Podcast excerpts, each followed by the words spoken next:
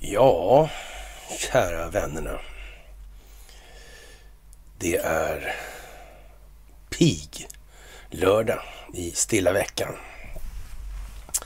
Det är förkylningstider, höll jag på att säga. Men igår var det fruktansvärt kylt. Idag är det bättre. Tack och lov. Och eh, vad ska vi säga egentligen? Att det händer lite grejer så kan eh, ja, trollfarmen börja gnöla lite över det. Men det gör det faktiskt, även om man inte vill riktigt erkänna det. Det händer viktiga saker. Det går inte så bra för djupa staten kan man inte påstå. Men eh, det spelar ju ingen roll om man inte pratar om den djupa staten så mycket. Det är inte så många som är intresserade av det. Särskilt inte inom ramen för det politiska och eh, samhällsbyråkratiska etablissemanget. Märkligt nog. Det kommer som en överraskning för, ja, vad sägs om ingen alls snart. Det är fantastiska tider. Helt fantastiska tider. Och det är i motgång som ledaren kliver fram. Ja, vi skriver den eh, 13 april 2022. Och det är som sagt, det är piglördag onsdag. Ja, och då är det dags för ett onsdagsmys. Ja, kära ni. Vi slår ett slag för en bok faktiskt idag och eh, den heter just I motgång kliver ledaren fram. Det är en bok som kan vara till hjälp för att leda in på vad egentligen är ledarskap för någonting och vad är egentligen chefskap? Vad är det ena och vad är det andra, vad är det andra för någonting? Det kan vara lite bra. Den ligger på min Facebook-sida den där. Den har några år på nacken så, men eh, tiden har aldrig varit mogen för det där ännu. Idag är den mogen för det. Det är nu. Folk måste börja förstå. Klarar man inte av att leda sig själv, ja, då blir det som det blir. Klarar man inte av att släppa sina egna känslogrunder och värderingar och utvecklas som människa, då kan samhället aldrig heller aldrig utvecklas. Så är det ju. Fantastiskt. Fantastiska tider och ni ska ha det största av tack som alltid för det ni gör. Det är en otrolig upplevelse att få göra det här tillsammans med er. Så ett stort tack för gåvor på Swish och Patreon. Stort tack för att ni fördjupar er på karlnorberg.se och ett stort tack för att ni hänger på Telegramtjänsten. Ja, det finns ju som sagt lite att prata om idag och eh, den här boken är en sån, sån sak som vi skulle kunna upprätthålla oss vid. Men eh, vi återkommer till den efterhand i det här. Den var till och med på den tiden så ja, out of date eller vad jag ska kalla det för, så långt före. Sen, den mötte inte på några stora hinder även om det var etablerade förlag alltså. Så illa var det ställt. Vilket då kanske man skulle kunna säga, ja, möjligen borde ha väckt lite tankar hos somliga som sitter ja, framför den här kameran just nu kanske. Men men, det är som det är och nu är det dags. Det gällde samma med Ivar Kryger och en hel del annat skulle man kunna säga också. Mm, nu är vi där vi är och det ska vi vara tacksamma för. Och det är vi också faktiskt. Ja, vi kan ju börja med det här med vad som händer i vår omvärld och vi har ju haft mycket diskussioner kring olika saker, vilka konstellationer som finns var och hur det egentligen går till för att komma åt den här problematiken med den djupa staten. Det går ju alltså inte att bara en dag komma på att nu ska vi välta den där och så börjar man med det på något vis. Så har man ingen planläggning, ingen strategisk idé om hur det här ska gå till. Och det här är någonting som man faktiskt måste ta fasta på. Man måste till exempel förstå det här att man från Donald Trumps sida har ett sånt där förvärvsbolag då numera och sådär och man har startat den här kanalen och Elon Musk han håller på och eh, fipplar hit och dit med de här aktierna och ja, det blir stämningar så aktiekursen förändras och det är en massa sådana saker. Men är allt det där bara en slump verkligen? Eller beror det på någonting? Har någon tänkt till? Har någon planerat? Ja, Det är frågan. Hur kan det vara? Det är frågan som sagt. Mm. Någon har nog planerat, någon har tänkt. Det här har gjorts noga. Mm.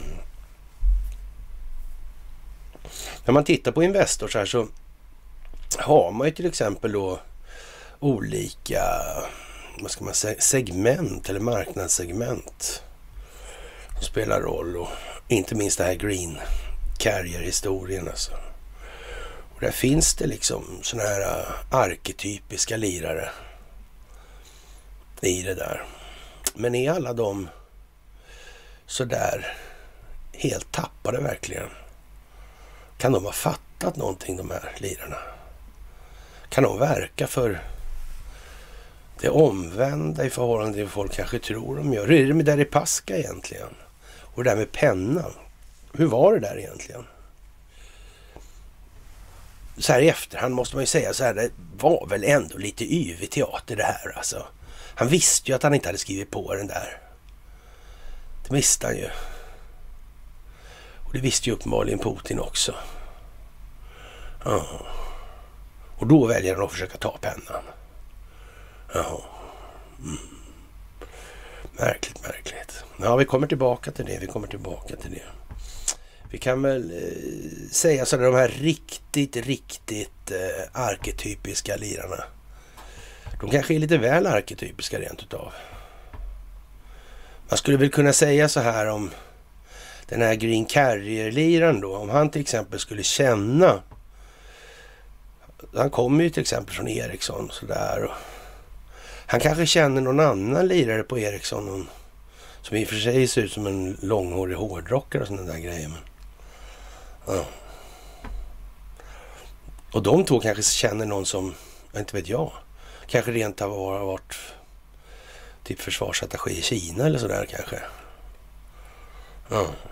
De kanske har någon gemensam nämnare de här tre till exempel. Kan det vara så? Mm. Jag vet ju inte. De kanske rent av är lite självgående. Ja. Jag vet inte hur det där kan vara. Men det lär visa sig, om vi säger som så. Ja, intressant faktiskt.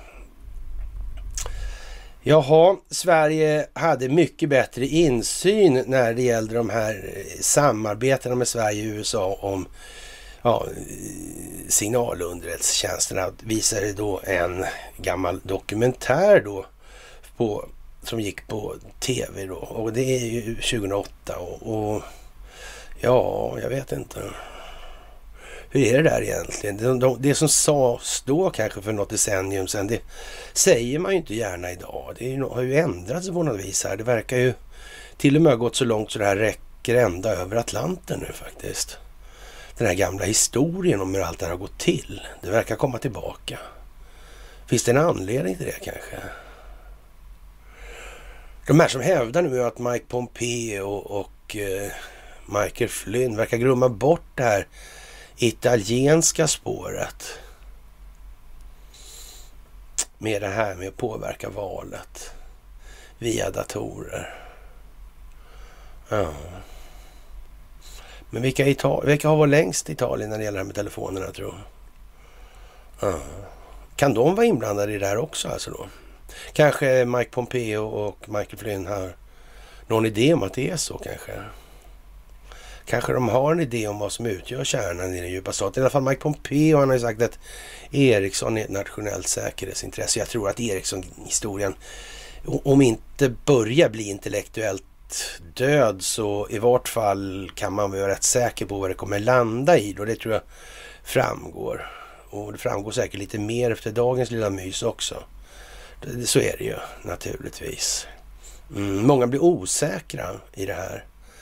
Men det är kanske nu den här fastheten alltså ska verka ledande här. Man ska hålla sig kall och artig med korten nära kroppen. Man får hålla sig rationell helt enkelt. Inte svänga iväg med känslorna här och osäkerheten på vad ska alla andra tycka om de här grejerna. Det duger alltså inte längre. Nu måste man hålla streck helt enkelt. Nu gäller det att vara ledare, inte minst för sig själv och sina egna tankar.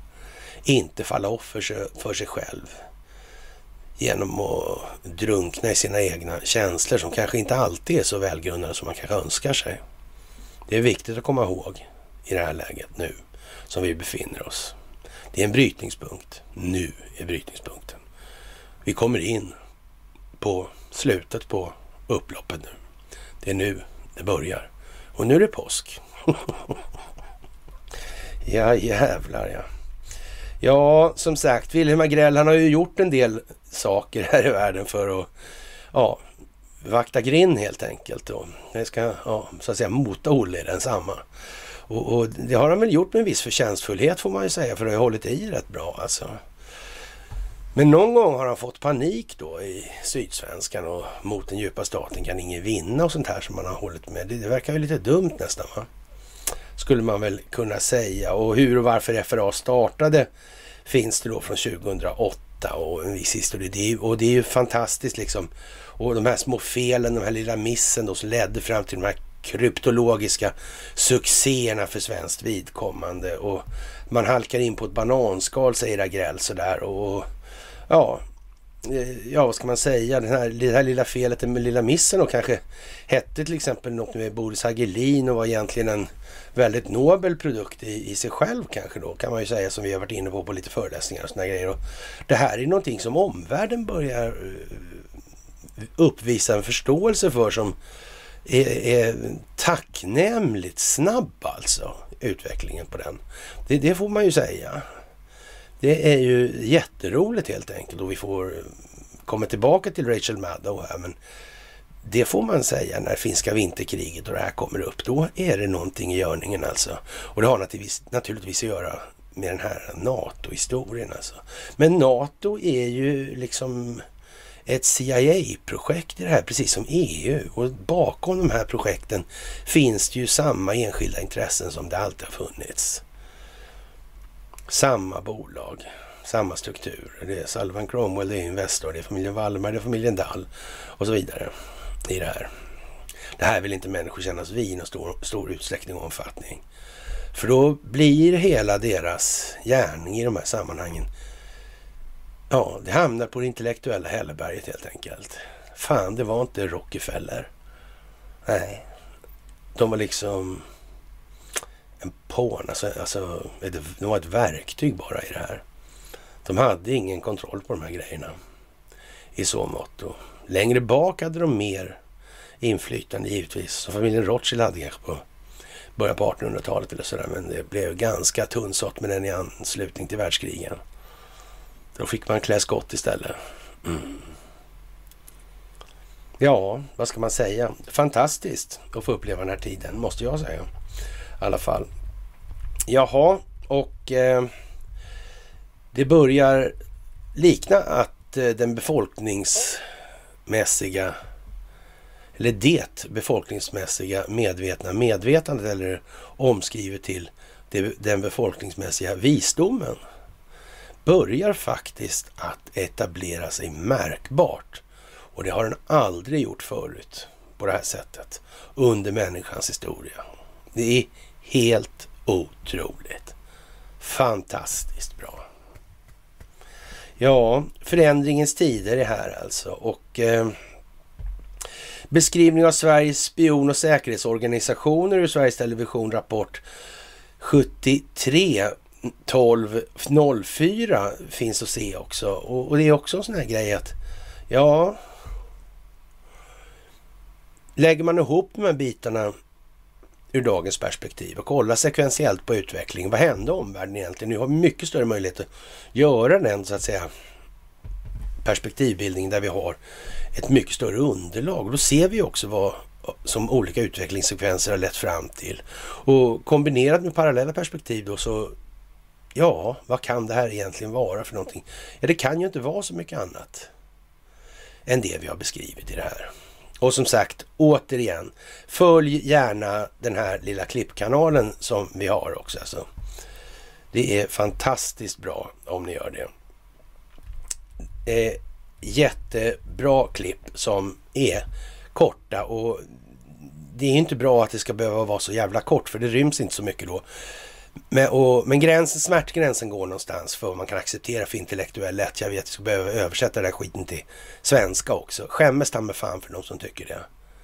Då är det dags att läsa på engelska istället. Alltså, det går inte att sitta här som någon jävla stugsittare och tro att allting ska komma flygande fram på farstun. Det går inte. Man måste anstränga sig lite också. Det går inte. Det kommer inte lätt. Förståelsen för att man måste faktiskt revidera sina känslogrundande värderingar kontinuerligt. Det går inte av sig själv. Tro inte det. Så är det inte. Absolut inte. Jaha, och eh, ryssarna, eller Rysslands militär redovisar då situationen i Ukraina. Och eh, det har dött väldigt mycket människor i Mauripol och eh, ja, man säger väl då ungefär att det har dött 5000 civila då och 15 000 miliser då. Men den här milissammansättningen då, eller den är nog lite större, den kan till och med vara upp till 30 000 där. Och de här miliserna har gömt sig bland civila och det i sin tur gör ju att de här civila då blir rättsligt sett legitima mål för den ryska militären. Och de som är ansvariga för de här civila förlusterna då, eller döda, det är alltså de miliser som har gömt sig ibland de civila och det är ju givetvis att de så har de alltid gjort alltså. Och ja, så får man inte göra helt enkelt. Det är det som är krigets lagar. Och ja, så här, den rättsliga grunden för den verksamhet som Ryssland bedriver i Ukraina är helt garanterat fullständigt säkerställd. Man har alltså juridisk folk med sig som är i kontakt med alla täter via stridsledningen. Man fattar inga beslut som kan gå Ryssland emot i det här ur ett rättsligt, rättsligt perspektiv. Så är det bara. Mm. Och den som tror att ryssarna är så att säga inte proffs på det här de håller på med, det kan ni bara glömma helt enkelt. Och ja, vad ska vi säga? Det är såklart det är en tråkig historia att det måste bli så här, men det är ju inte så mycket liksom att säga egentligen så. De här legoknäktarna har ju, så att säga, de jobbar för pengar och ingenting annat. Och det blir som det blir. De vet vad som kommer eller ligger längs vägen då för deras vidkommande. Och så måste det bli i det här. Ja, och det är ju fantastiskt då, måste vi säga, det här med det här MSNBC med Rachel Maddow som ja, Mad Cow då liksom. Mm. Och vi hade väl uppe det då vid interna debatter här kanske för, ja ska vi säga något år sedan eller två. Sådär. Att vi tyckte nog inte att det där riktigt höll streck längre. Alltså det där är ju någonting helt makalöst självmordsbenäget på något vis alltså. Mm. Men nu när Sverige och Finland håller på och gaggar om att gå med i NATO. Då visar eh, Rachel Maddow då, som är den stora dragplåstret på den här kanalen, filmer från finska vinterkriget. Mm. Den här underrättelsetjänstverksamheten som bedrevs i Finland som faktiskt var svensk. Mm. Operation Stella Polaris. Det var märkligt det där. Hela det här upplägget med Skandinavien var mycket märkligt under andra världskriget. Mm. De fick ju använda svenska ledningar också. Konstigt det där. Ja. Finska vinterkriget som sagt, ja. ja. Sverige och Finlands NATO-medlemskap. Handlar det om något annat i slutändan om, än om det här NATO-medlemskapet? Kanske det handlar om historien? Kanske det handlar om upptakten till allt det här? Kanske det handlar om framväxten av den djupa staten i sin moderna tappning, alltså framväxten av det militärindustriella komplexet, underrättelsetjänstkollektivet. De här olika samarbetena. Den teknologiska utvecklingsnivån. Vem hade tillgång till vilken teknologi och varför? De här eh, århundradets kupp, underrättelsetjänstkupp förra året, eller förra århundradet med kryptograf. Kan det vara så? Ja, och, och tänk nu på vem som sen längre bak än redovisat i alla fall kunde lyssna igenom ryssarnas kryptologi. Alltså det var ju fantastiskt när med, fast de hade kryptoblanketter. Och, och, så sa man ju då att ryssarna var lite lata så de använde samma fast det var det själva systemet gick ut på, att man inte använde samma. Mm. Ja, ja. Ja, så kan det ju vara. Han säger ju det, Agrell i alla fall. Är det trovärdigt det här med Börling och pennan och sommarstugan? Ja, han blev ju professor sen i USA så det måste ju vara sant då. Ja, det blev han nog förvisso, men frågan är varför han blev det alltså. Mm. Ja, ja. Ja, ja. Några dagar innan Stalin anföll Finland i november 39 lyckades svenskarna knäcka den sovjetiska koden. Under hela vinterkriget kunde därför, där, det därför förse finländarna med synnerligen vital information. Bara några minuter efter det att sovjetiska bombförband hade startat från sina baser fick det finska luftförsvaret besked från Karlaplan om vilka anfallsmålen var. Det bör dock påpekas att Finlands egen dechiffreringsverksamhet också var väldigt avancerat. Ja, det är ju just det. Den där grejen med Stella Polaris, och vad det här var för någonting. Ja, vad sa finnarna? De sa att det var inte ens vårat krig det där. Eller deras krig det där. Det var ju svenskarnas jävla krig. Men det aktar man sig för när man blev hjälte och kom hem sen. Då var det noga att påpeka att det var faktiskt Finlands eget krig. Men vilka var det som låg bakom allt det här skiten egentligen? Den där Helmut Ternberg, vad fan spelar han för roll i de här sammanhangen? Oh. Vad det mynnade ut i det här med Ragnar Gehlen och så vidare, det, det vet vi ju liksom. Mm. Men den där Ternberg alltså, den här Operation Barbarossa, hur fan kunde han känna till det innan? Typ innan tyskarna ens visste om det. Det är konstigt. Och sen den här grejen med Hitler och Hess. Flyga till Skottland. Sen mötet på den här båten som vi har snackat om, Prince of Wales, slagskeppet alltså. Ja, vad pratar de om där egentligen? Och det var ju liksom mera på sommaren då kan man säga, eller försommar, sommar. Mm. Vad händer där i ja, senhösten, mm, tidiga vintern där? Mm.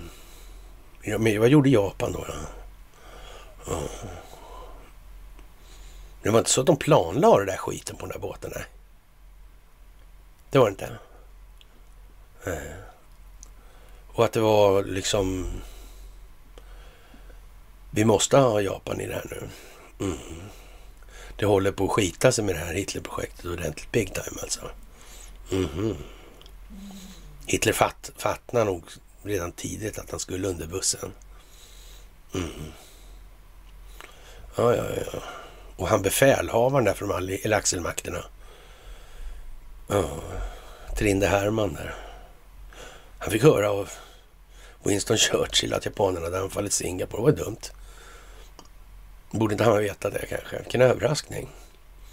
Och han som hade glömt att kolla upp det här med bankerna, vem fan som ägde Barborbanken också dessutom. Ända från 33 till 38.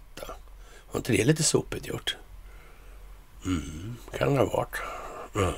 Eller också var det något annat. Eller också var det omständigheter. Ja, som någon hade planerat. Mm. Man vet ju inte helt enkelt. Och eh, ja, vad kan ligga i pipen? Ja, vad ska man säga? Ericsson kryptograf, Burlingspapper och penna och eh, ja, Stella Polaris till exempel. Kanske Rachel Maddow på den här lilla, ja vad ska vi säga, amerikanska msnbc.com. Kanske hon har fattat det. Även om hon aldrig fattade det så kanske hon har fått det omtalat för sig numera.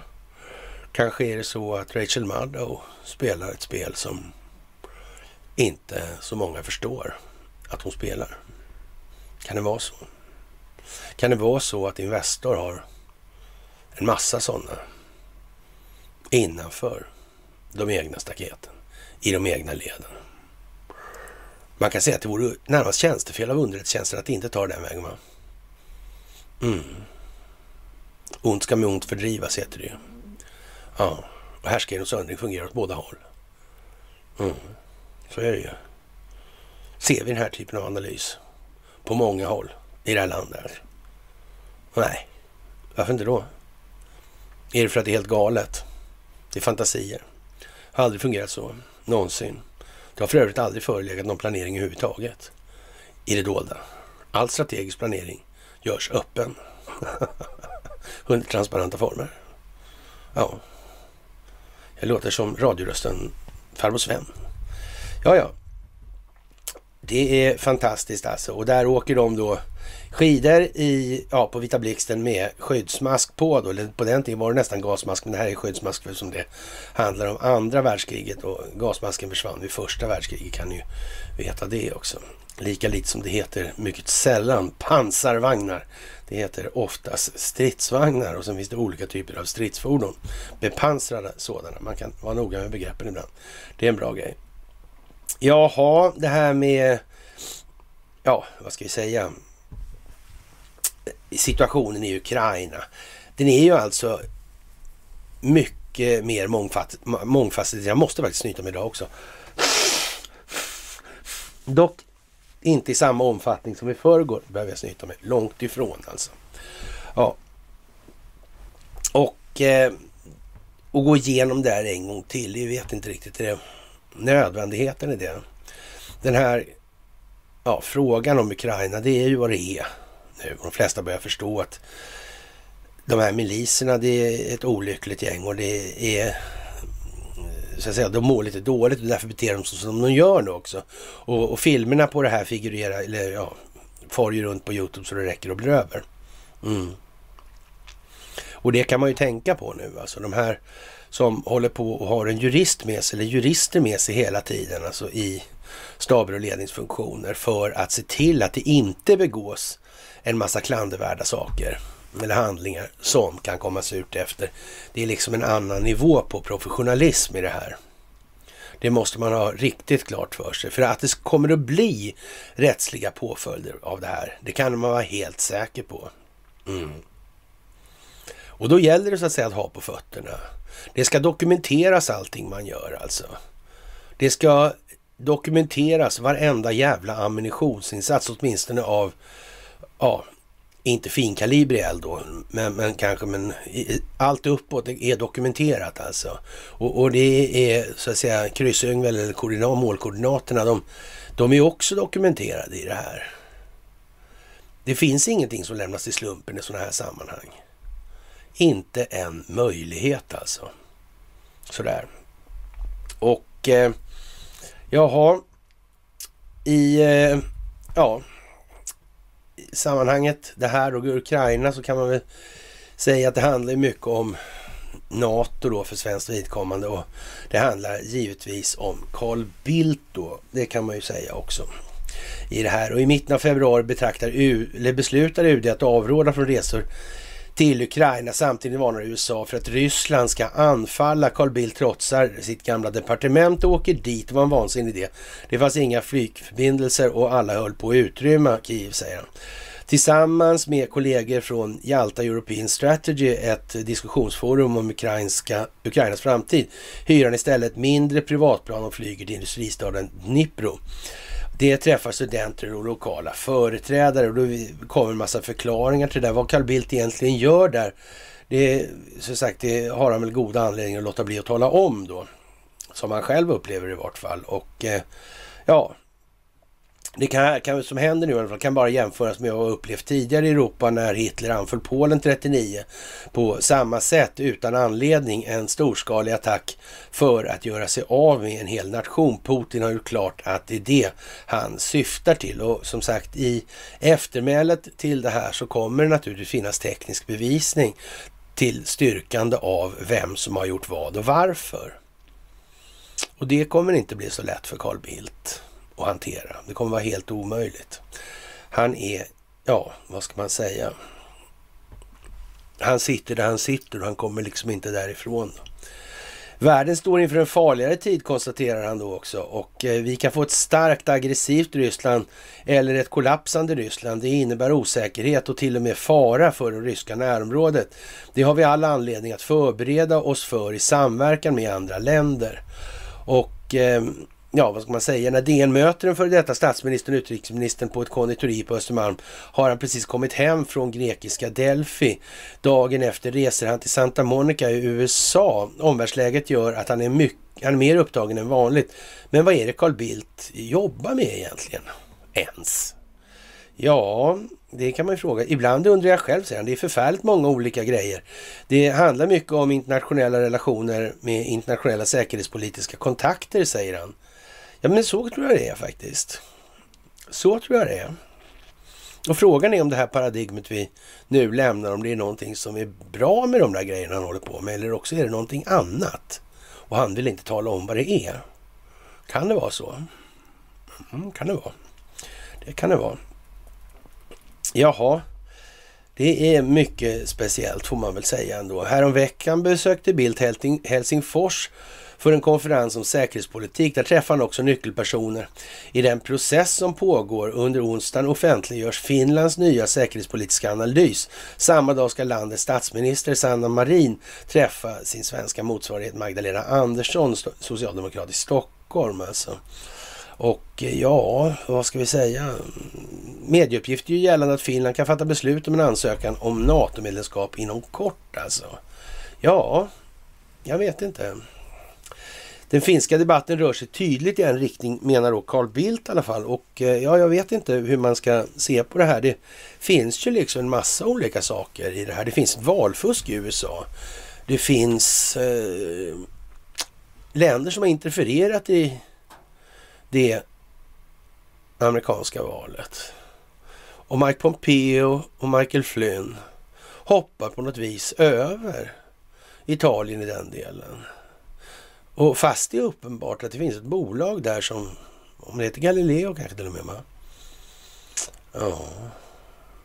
Som är inblandade i det där. Men de har ju en samarbetspartner som tur är då. Det är de där som alltid har funnits i Italien med telefonerna. Mm. Som sagt, varför gör någon det ena? Och varför gör någon det andra? Och när i tiden? Ja, ja. Och eh, ja, vad ska jag säga? Carl Bildt han säger så här, också han själv har fört samtal med regeringen. Jag har haft kontakt med ledande personer i den svenska regeringen i den här frågan och det är väl inte så konstigt. Socialdemokrater och moderater har under mycket lång tid, trots dundret i den offentliga debatten i övrigt, ibland talat om viktiga säkerhetsfrågor med varandra. Eh, vad är din roll i det, frågar då DN. Eh, varför ska jag ha någon roll, säger han. Ja. Svaret om kontakterna med regeringen kommer motvilligt, noterar då DN. Det frågar mig om allt möjligt, som till exempel olika aspekter på det här. Eh, jag vill inte gå in på det. Det ligger i sakens natur att man måste kunna upprätthålla en förtrolig dialog eh, för att det ska vara relevant. Okej, okay, öppenhet och transparens, inte transparens är alltså inte att tänka på. Det finns av någon anledning skäl till att Carl Bildt säger som han gör. Vad kan det vara för någonting? Och nu handlar det om att vara ihärdig när man får lust att bara skrika. Nu måste ni väl för helvete fatta det här. Och nu gäller ju inte det er alltså i förhållande till mig, utan det gäller ju företrädesvis den omgivning som ni har stött på vid ett flertal tillfällen som inte nödvändigtvis är översvallande entusiastisk inför den information som ni förmedlar mellan varven till vederbörande i fråga. Så. Mm. Jaha. Carl Bildt har kallat den svenska säkerhetspolitiska debatten för torftig. Vad fan kan det bero på, tro? Kan det bero på att det finns inget enda utrikesdepartement på hela jordklotet som klarar sig utan en underrättelsetjänst? Och att det finns inte en enda underrättelsetjänst som klarar sig utan en telekominfrastruktur? Så att det egentligen inte finns så mycket att diskutera om, för det skulle bara bli dumt. Det skulle bara komma upp massa konstiga saker som man inte önskar ska komma upp. Då får man helt enkelt ägna sig åt lite mer eh, allsvenskan och eh, ja, hockeyspel eller sådär. Ja, ja. Ja, till skillnad från Sverige har Finland säkerhetsfrågorna i sitt politiska DNA. Ja, nu ska vi väl kanske inte överdriva det där eh, sådär mycket som han gör i det här, för det verkar ju dumt. Det är väl inte så att Finland har liksom någon sån här jättekoll på vad de håller på med. Noga räknat, de har ingen jävla koll alls. Va? Och det är ju naturligtvis samma skit med Norge i det här. Och, och, Sverige är ju vad det är liksom. Det behöver vi ju inte förtydliga sådär alltså. Men, men att snacka om att det finns något, något medvetande i de här sammanhangen. Ja, det finns ju i alla fall en myt som befolkningen har fått sig till livs. Det gör det ju. En saga, skrönor, fabler och så vidare. Det finns det. Men så mycket annat är det ju faktiskt inte. Det kan man ju inte påstå. Ja, man ska inte glömma det avgörande säkerhetspolitiska skälet till att Sverige aldrig gick med i NATO i slutet på 40-talet och sedan under kalla kriget var Finland faktiskt. Vi fruktade att om vi skulle gå västerut skulle det sovjetiska trycket på Finland öka alltså. Jaha. Mm. Men ställa Polaris och de här grejerna, det var ingenting som, nej. Det hade inget. Men vad fan hoppade han på Stalin för i första läget liksom? Varför fick han för sig det där? Hade han på något vis klart för sig det här med tyskarna kanske? Den här Helmut Ternberg och ställa Polaris och allt det här. G-maskiner och hej och hå.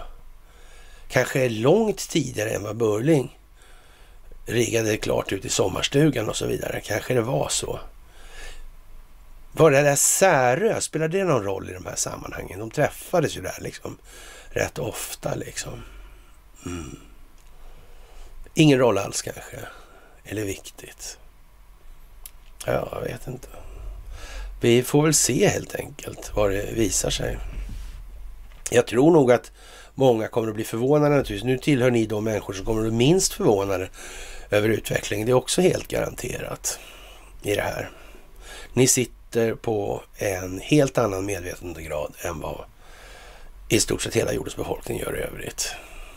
Av det enkla skälet att ni är svenskar. Och vi kan faktiskt ta till oss den här typen av information ganska lätt. Det är ju tacksamt nu, samtidigt som det är jävligt otacksamt. Så är det också.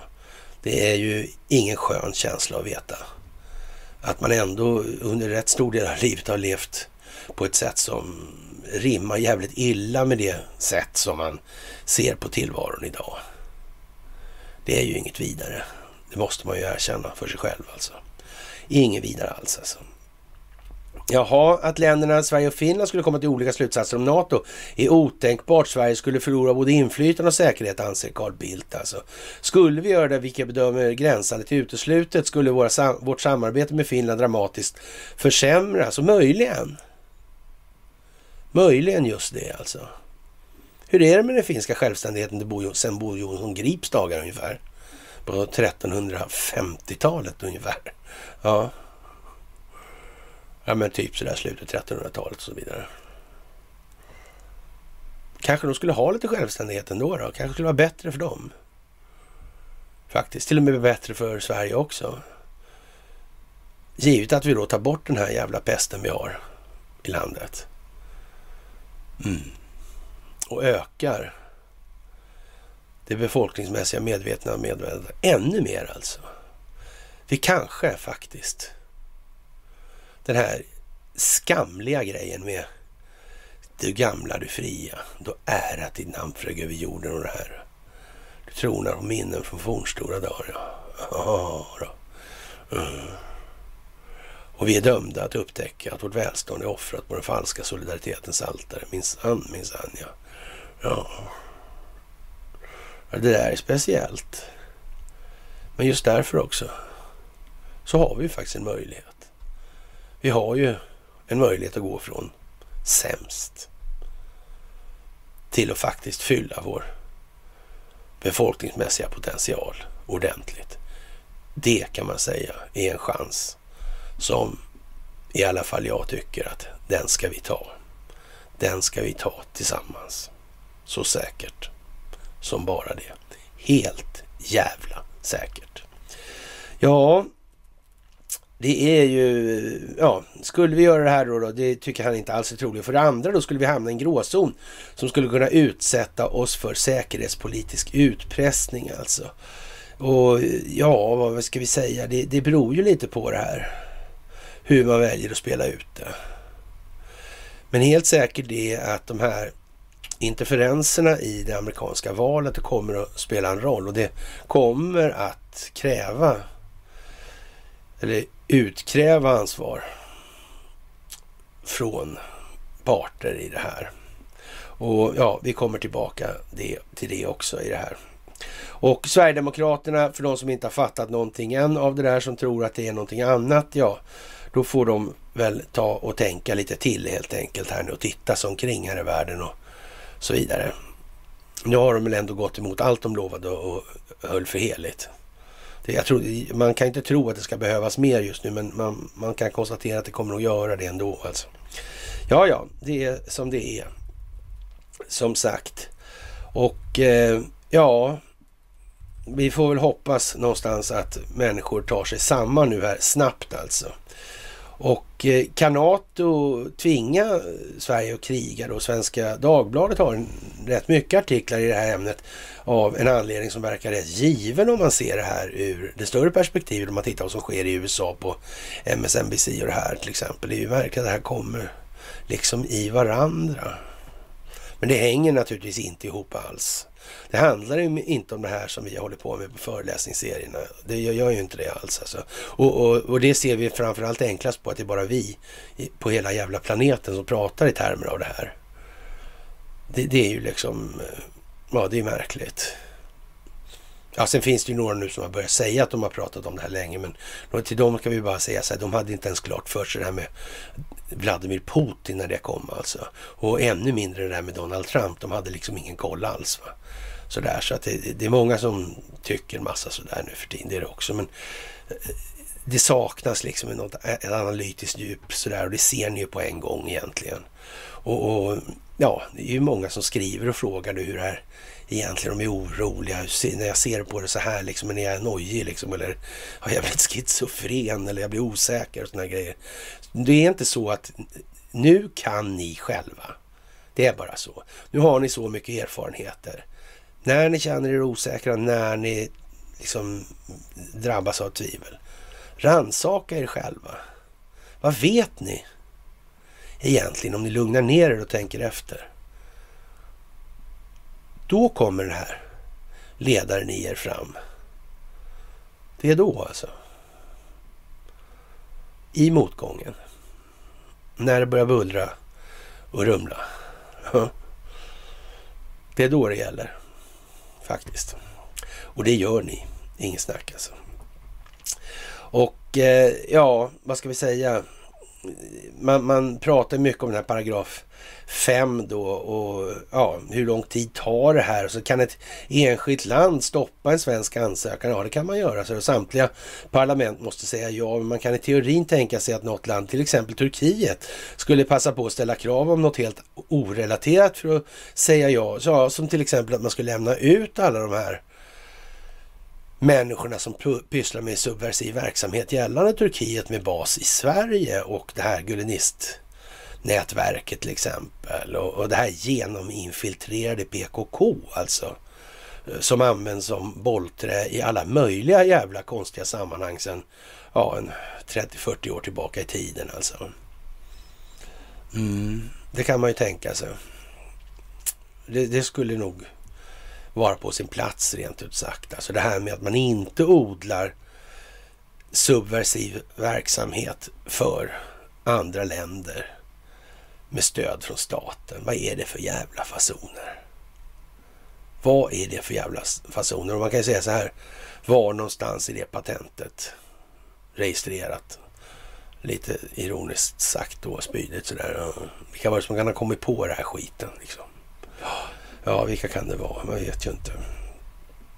Jaha, och eh, ja, skulle något land kunna sätta käppar i hjulet kan man ändå föreställa sig att en hel del armar skulle vridas om bakom kulisserna, inte minst från amerikanskt håll, för att få problemmakare att rätta in sig i ledet.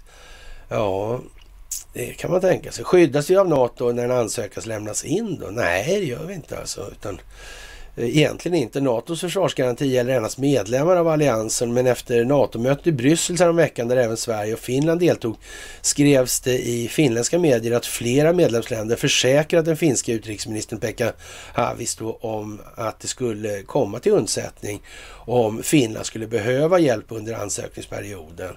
Det gäller i sådana fall även Sverige och, och det är väl ungefär som i Ukraina det kommer inte bli så lätt att få folk att ställa upp på det där. Det är helt jävla säkert.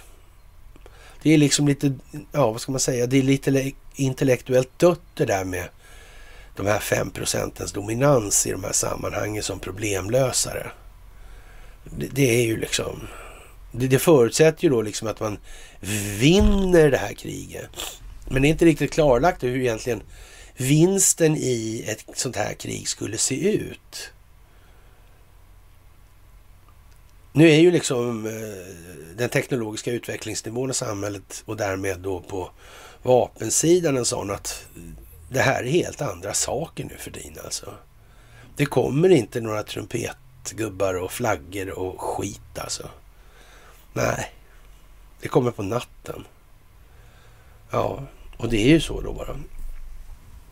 Ja, det är alltså svenska politiker som fattar beslut om att vi ska skicka svenska soldater i krig för att försvara ett annat land ett annat medlemsland eller om vi vill hjälpa till på annat sätt. Sen är det givetvis själva grundtanken med NATO att man hjälper varandra i händelse av krig. Ja, men nu är det ju så här att i ett system som drivs av enskild nyttomaximering så kan man säga så här. Det finns ju inte på en världskarta, världskartan, det fattar ju vem som helst. De är ju hellre hemma helt enkelt. Det är ju bara så, de måste ju få jävligt mycket betalt för att de ska åka. Och då är de ändå inte bättre än några jävla legoknektar. Nej, men då är det ju lika bra att man bygger ett jätte internationellt manpower så får folk hyra in sig där då. då. På så mycket trupp de vill ha, eller? Och så kan man ta lite sportsmanship så man har en uppsättning vapensystem också så det blir lika. Men det är klart, det skulle inte vapenindustrin gilla. Nej, just det, så det går ju inte. Nej, nej just det. Så ja. Ja, ett NATO-medlemskap gör inte heller att exempelvis USA kan stationera kärnvapen i Sverige mot vår vilja. Det är Sverige som bestämmer över svenskt territorium, inte NATO. Och eh, ja, vad ska man säga egentligen? Det här är Svenska Dagbladet som håller på på det här viset. Och, och det kan man ju tycka är, är lite sådär alltså. Och som sagt, det är det 2% mål som gäller, men det har man ju då lovat. Så man ska bättra sig så tillvida alltså. Och eh, jaha, och nu kommer det då visa sig då ganska snart då vad den svenska folksjälen är byggd på för grund då i de här sammanhangen. Och, och ja, de är ju, svenska befolkningen är ju dömd att upptäcka att välstånd offras mot den falska solidaritetsaltare. Och, så. och eh, vad händer då liksom? Vem blir befälhavare över NATO då? Och därmed den här gången även över den djupa staten då med stöd av hemmaopinionen då i det här.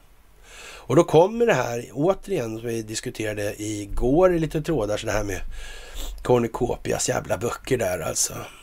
Och det där är en trallgök. Och han vill liksom fortfarande inte acceptera det här med att betalningsmedel skapas genom att bankerna skapar lån. Det har jag aldrig legat för honom att hålla med om det. I början var det katastrofalt. Då var det riktig foliehattsvarning och sådär. Och, och säger man då liksom en sån här sak som att den djupa staten är ju en företeelse man måste ta hänsyn till. Och då, då tycker jag han är tvärblock då. Då blockar han direkt alltså. Men ändå alltså. Han fick sånt jävla stöd när han kom alltså. Jag hade jag världens jävla gräl med honom alltså. Och, och, hur många gånger som helst alltså. Och, och helt, helt, man tycker det är jävla konstigt alltså. Och, och han är ju liksom ingen, så att säga, militärtyp då man säger. Och han, eh, men eh, ja, han skrev ju de här böckerna då och, och ja. Det där det är lite speciellt får man säga alltså. Och det handlar ju om då att det är Ryssland, det är öst och väst och det här vanliga. Det är IMF och lite sånt där alltså. Men slutsatserna blir jävligt konstiga alltså. Det är ju det där att systemet är ju bra alltså, det är det. Men om nu systemet inte är bra då? Utan blir tvärt, är tvärtom. Då blir ju många av de grejerna och slutsatserna som kåren har dragit, det blir ju liksom tvärtom också då som en mekaniskt följd av funktionen då, så att säga.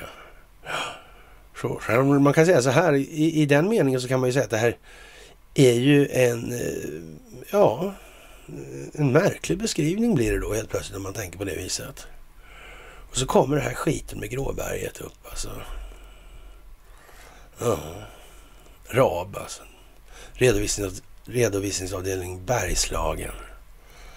Ja, man centraliserar en del grejer gällande polisens verksamhet i det här. Ja, jag kommer tillbaka till det också. Konstigt det där alltså. Samtidigt som allt det här sker med ansökningar till NATO, MSNBC där och Rachel Maddow. Konstigt. Ja, jag vet inte. Mm. Jaha, och eh, det är alltså inte säkert att man kommer till samma slutsats då för Finlands eller finskt och svenskt vidkommande.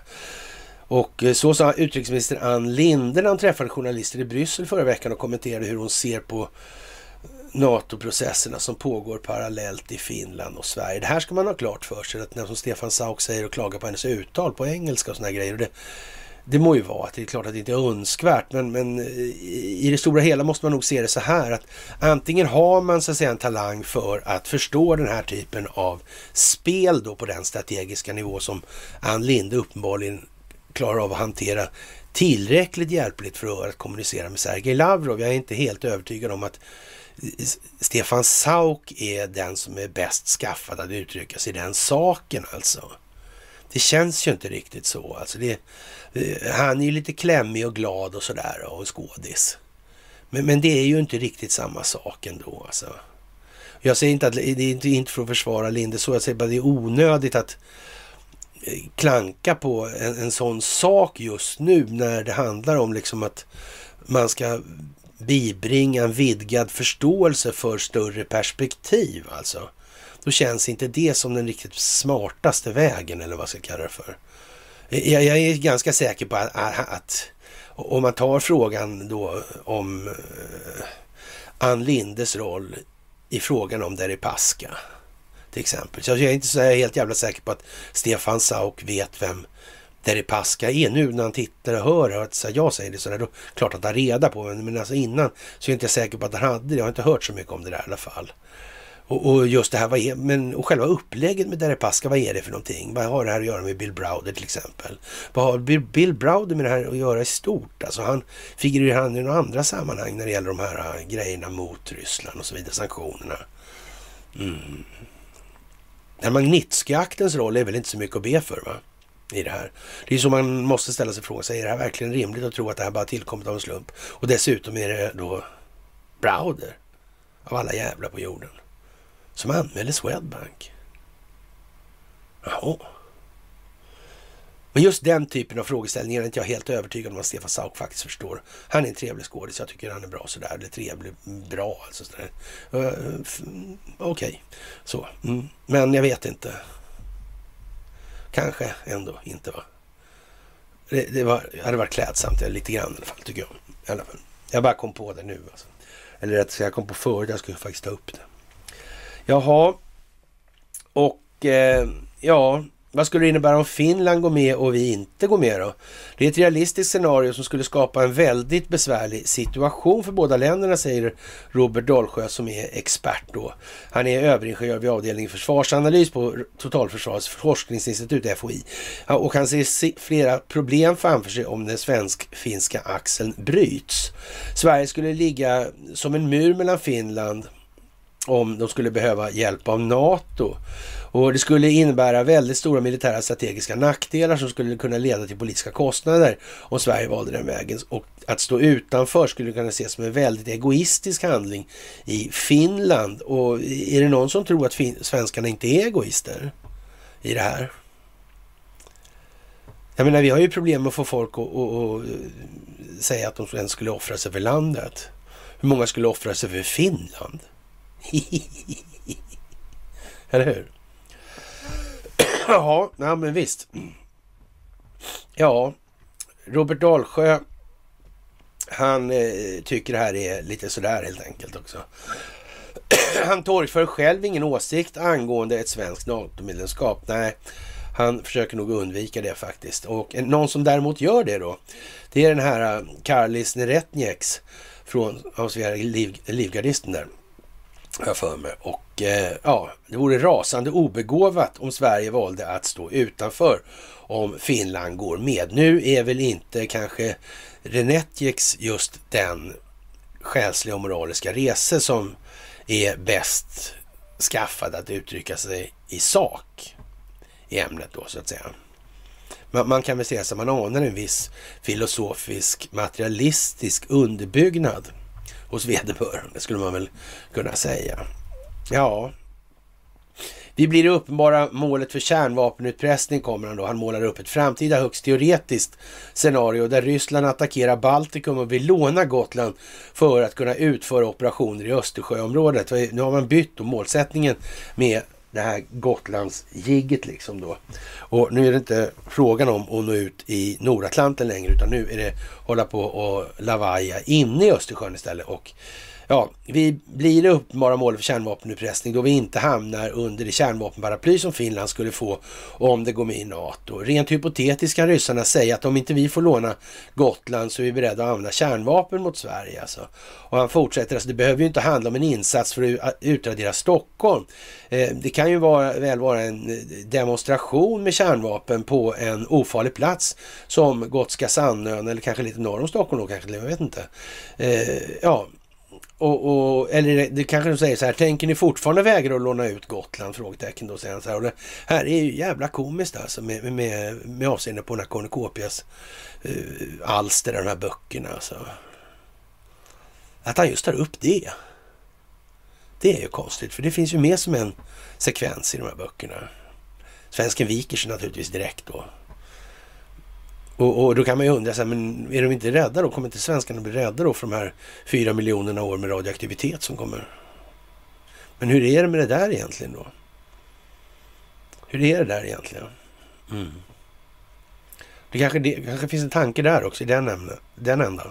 Kan det göra det? Det kan det göra. Ja. Jaha, och... Eh, ja. Eh, Ja, Jakob Westberg, docent och universitetslektor vid Försvarshögskolan, säger att risken för att Sverige ska behöva möta ryska frammarscherande styrkor landvägen förvisso skulle minska om Finland gick med i NATO. Men vi skulle vara minst lika sårbara som i dagsläget vad gäller Östersjön och den utsatta position man brukar mena att Gotland har. Och det märker ju på skrivningarna här, alltså vi tar den här igen. Alltså. Men vi skulle vara minst lika sårbara som i dagsläget vad gäller Östersjön och här kommer det alltså. Och den utsatta position man brukar mena att Gotland har. Förlåt? Jag trodde det var själva fundamentet för de här doktrinerna. Ja. Det, det finns inget brukar mena med det. Har aldrig funnits tidigare. Någonsin ens. Det har hänt något. Något konstigt. Och sen kommer han lavajande eh, Niretniks där alltså är... eh, eh, ja, det här är ju inte, det är ju någonting som jag, ja, kraftig fasförskjutning skulle man kunna säga. Det måste man faktiskt tillstå. Och nu är det viktigt att läsa noga i de här sammanhangen. Märka nyanser hela tiden i språkbruket. Ord är viktiga. Ord kan påverka tankar. Tankar kan påverka känslor. Känslogrundande värderingar kan förändras genom tankar. Mm. Tänk nu på det. Jaha. Ja, vi kommer utsättas för starka påtryckningar från Ryssland att skärma av vårt territorium samtidigt att hela vår försvarsplanering i händelse av en konflikt i Östersjönsområdet byggt på att vi ska försvara oss tillsammans med andra. Och eh, ja, det sägs ju så alltså. Men frågan är, vad har det här varit egentligen? Med avseende på det här med eh, Stella Polaris och underrättelsetjänster och kryptologi och telekominfrastruktur och så vidare. och så vidare. Det är märkligt, märkligt, märkligt alltså. Ja, eh, det jag kan tycka är ju att eh, frågan just nu trummas igenom på ett oroande sätt alltså. Ja, och han har inte heller något intresse av någon åsikten i NATO-frågan alltså. Ja, i nuvarande läge är bestämda uppfattningen att Sverige ska vänta på vad Finland beslutar sig för. Det med sin mer utsatta position och erfarenhet av krig får gå först. Svenskt alltså. Så får vi utvärdera sen. En som har en annan ingång i frågan är Linda Hags, Linus Hagström, professor i statsvetenskap på Försvarshögskolan och han har tidigare skrivit en debattartikel och argumenterat för att Sverige bör stå utanför försvarsalliansen. Men det är ingen enkel fråga för mig, säger han. Så det kan jag tycka är att frågan just nu trummas igenom på ett oroväckande sätt, alltså oroande sätt. Alltså. Ja, det är en stor omläggning för svensk säkerhetspolitik som vi har haft under lång tid. Ja, kan man ju tänka sig. Mm. Vad sägs om den ryska arméns arkivprojekt? Skulle den kunna förändra bilden på något sätt? Skulle den kunna beskriva att kanske det här har varit rätt så rejält tilltagna kulisser, ungefär som eh, vi beskriver i den senaste föreläsningen, den här uppkomsten under kalla kriget? Skulle det kunna vara så att det hänger ihop på så vis? Eh, ja, det skulle man kunna tänka sig faktiskt, utan att överdriva det allra minsta. Mm. Jaha, var, vore det bra om Sverige stannar utanför om Finland går med? Den analysen har jag inte riktigt gjort än, säger han. Jag förstår att hänsyn behöver tas till Finland, men det är så mycket mer komplicerat än så, tycker han. Eh, det tycker inte de andra, allra minst sådana här som Neretniks. Ja, konstigt nog alltså. Det, det, är inte, det kan inte bara handla om Finland. Det är trots allt ett beslut som Sverige måste fatta på egen hand. Och, och det är väl en ganska bra grej det där. Att tänka på det. På vilka grunder fattar vi det här beslutet? Vad är det för någonting? Varför beter sig Ryssland som de gör till exempel? Är det för att han, Vladimir Putin har onda ögon kanske? Är det därför de är, har eh, ambitioner om världsherravälde? Vill eh, återupprätta det Sovjetunionen. Är det det som är problemet? Ja. Ja, och då, då jävlar alltså. Då, då bara ska vi rusta upp och då slutar de tänka så. Då blir de rädda. Det är, ändå, det är det enda språk de förstår nämligen. De förstår inte rationella logiska resonemang inte överhuvudtaget. Nej, nej, nej, okej. Det kan ju vara så och det kan vara på annat vis. Så enkelt är det. Och eh, som sagt, så ensamt blir Sverige och Finland går med i NATO. Det kanske är en poäng med det också då i så fall? Jag vet ju inte. Ja, det är lite sådär, äh, ja, den ukrainska oppositionsledaren är arresterad och, och han gör ju vad han kan då, Zelenskyj här, för att, och framställa sig som äh, allt annat än en hedervärd människa. Och, och, man får nästan intrycket av då, återigen det här att, ja, vilket jävla opinionsbildningsmässigt geni alltså. Det måste man ge honom. Eller det måste man ge honom. Så. Han har ju stor erfarenhet av det här också dessutom. Mm. Och den som inte börjar fatta det än nu i denna dag, han får väl titta på lite till då. då. Och sen får vi se om det klarnar helt enkelt. För jag vet inte om det ska behöva bli så mycket tydligare i det här. Och eh, ja, den här eh, stackars eh, Eh, ja, Medvedchuk där, han, han har ju liksom, han har väl inte haft det så lätt skulle man kunna säga sådär, men förhoppningsvis så är han väl införstådd med vad det här handlar om. Det verkar ju helt otroligt konstigt att han inte skulle vara det och eftersom man så att säga lanserar honom nu i det här läget och han står för så att säga ursäkta, Ukraina i sig då som land. Ja, då är det ju vad det är. Va? Nu är väl kanske inte Zelensky kanske med sina Kolomojskij-kopplingar och allt vad som har varit det här med skatteparadis och så vidare som är gjort för att exponera. Det är ju sinom tid kanske, men det, det, inte med någon större nödvändighet. Han är nog rätt så handplockad för den uppgift han just nu fyller i det här skulle jag vilja påstå. Ja, och hur illa det går, det beror väl lite på hur mycket överenskommelserna omfattar och inte omfattar helt enkelt. Ja, och ja, jag vet inte heller. Det är...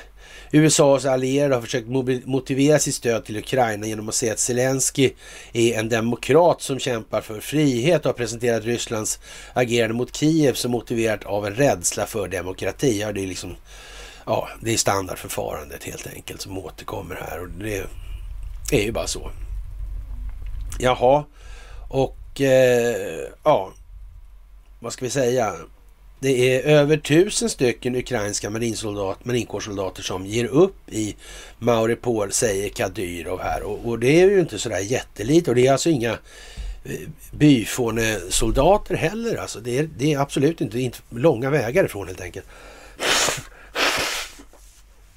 De reguljära enheterna där, de har ju alltså utbildats under, alltså de, så att säga, av mer elitkaraktär. Alltså de har ju utbildats under lång tid nu av utländska instruktörer också, just med syfte att ja, när det väl blir dags då, det här som de aldrig hade planerat alltså, det vill säga att jämna ja, Donetsk och Lugansk, eller Donbassområdet då, med att göra parkeringsplats av det där istället. Ja, man behåller väl gruvorna i och för sig, men ändå. Ja, ni förstår ju själva här, det här är ju, det är inte liksom och det är också professionellt folk i den meningen och, och, och jag kan inte föreställa mig att alla de är eh, liksom helt urspårade utan de, när det skiter så här då ger de upp alltså. De tänker inte börja ägna sig åt några jävla krigsbrott för den sakens skull. Liksom. De har gjort vad de har så att säga, blivit ålagda att göra och nu går inte det längre i den meningen. Faktiskt. Och det, det är klart att det, det, blir ju rätt så dryga förluster nu. Så är det också. Men det beror just på att det är de jävla miliserna som beter sig som svin då i det här och gör civilbefolkningen till lovligt byte. Det är ju alltså de miliserna som begår krigsbrotten. Det är liksom inte ryssarna som bekämpar miliserna som går, begår det, alltså, Miliserna gör civilbefolkningen till ja, rättsligt godtagbara mål alltså i det här. Det är alltså, man får inte göra så, det är förbjudet alltså. Och var så säkra på att det har de ryska militärjuristerna som finns med i den operativa ledningen för det här ingreppet. De har full koll på vad det här handlar om. Och det här finns belagt helt jävla säkert. Och det vet man från den djupa statens sida också. Och därför måste man under alla omständigheter få håll på det här. Och jag tror till och med några av dem tycker att ja, vi lyckades ju för fan med valet ändå alltså i USA. Men frågan är så här med facit hand. Gjorde de verkligen det? Blev det inte bara värre? Helt enkelt. Ett helt jävla år. Och de har lyckats trassla in sig ännu mer, exponera ännu mer. Kanske var det det som var meningen, kanske var tanken var så plan planläggning ska ut strategiskt. Kan det ha varit så? Ja, det kan det faktiskt. Jag kan till och med påstå att så har det varit. Ja, som sagt, mer än tusen marinsoldater från Ukrainas väpnade styrkor kapitulerade i, i, igår, måste det ha varit, i Mauripol, eller det kanske är idag faktiskt. Eh, ja, från då och eh, det finns hundratals skadade bland de här då och det är det rätta valet skrev man då i, ja, så att säga Ramzan Kadyrov skrev då i ett telegram då. Kadyrov bryter nu ukrainska grupper upp den ena efter den andra då, då. De ger upp bara och eftersom de inte vet vad de ska göra med de sårade, inte heller förstår de var de ska gå och vad de ska göra härnäst i sina strider. Och mot allt är motståndet värdelöst alltså. Det finns praktiskt taget inga stridsstyrkor kvar, säger Kadyrov då. Den tjetjenska ledaren tillade att endast små grupperingar av militärer för närvarande är i strid, som av någon anledning är rädda för att komma ut med en vit flagga till de ryska trupperna. Jaha, inom situationstecken och ja, va, va, som sagt. Kadyrov uppmanar de ukrainska trupperna att inte vara rädda. Han uppmanar dem också att tänka på sina nära och kära. Och de sårade dina egna och andras liv på hur en herrelös kula kan föra tragedi till dina hem. Han tillade att det för tillfället finns cirka 200 sårade som gömmer sig djupt in i Azovstals växtområde. Alltså det här är det här verket då, eller med, eh, stålverket där. Och under det här finns det en massa eh, historier också i anslutning till det här. Och det är mycket tal om sådana här eh, uh, biokemlabb och grejer. Ja, och en amerikansk överst också som hittar dem där också, vad konstigt. Ja, och som sagt, de har här miliserna och, och för, ja, de reguljära eh, elitenheterna, de har alltså tränat ordentligt. Så det här, det är, ja, men, men det är naturligtvis någonting som man känner till då från rysk sida och har då så att säga vidtagit mått och steg för i sin strategiska planering i den meningen. Så. Och man gör det här på det sättet som man har bedömt vara mest effektivt, alltså som åstadkommer minst friktion och minst mänskligt lidande hela tiden. Så. Jaha. Eh, han tillhörde att för tillfället finns då 200 sårade och eh, under det här Azovstals växtområde och som inte kan få medicinsk vård. Kadyro betonar att det vore bättre för de ukrainska trupperna att sluta strida och återvända hem. Jag vädjar till dem som fortfarande är instängda i källaren och tunnlarna i anläggningen. Ni vet att vi behandlar fångar humant. Kom ut, tänk på er egen och andra familjer som mer än tusen marinsoldater gjorde idag, sa han. Och ja, vad ska man säga? Det är väl inte mycket att, att be för sådär alltså. Och eh, tidigare under dagen dök det upp rapporter om marinsoldater som kapitulerat till de ryska DPR-styrkorna på sociala medier. Den ryske krigskorrespondenten Alexander Sladkov delade i en serie inlägg på Telegram bilder från den påstådda kapitulationen av ukrainska marinsoldater till DPRs trupper. Och Eh, det var 300 skadade, ungefär var 90 inte kunde röra sig självständigt. Journalisten uppskattade antalet marinsoldater som gav upp på fötter alltså till mer än 800 personer. Alltså det går ju ganska snabbt det här alltså. Det är en bataljon åt gången lite drygt alltså. Och eh, ja, vad ska vi säga? Dessutom publicerade den ryska utredningskommittén på tisdagen en video av förhöret av den överlämnade vice befälhavaren för den ukrainska 36 marinbrigaden Rostislav Lomtev. Lomtev. I, I videon säger befälhavaren att han i december 2021 så som en del av brigaden genomförde operationer i området för det så kallade eh, joint, Vent, eh, Joint Forces Operation i Donbass. Han berättade att brigaden senare flyttade till Azov-fabriken där de så småningom omringades. Och eh, officeren förklarar att under omständigheter beslutade kommandot att överlämna våra vapen för att undvika onödiga offer och vi gav upp allihopa.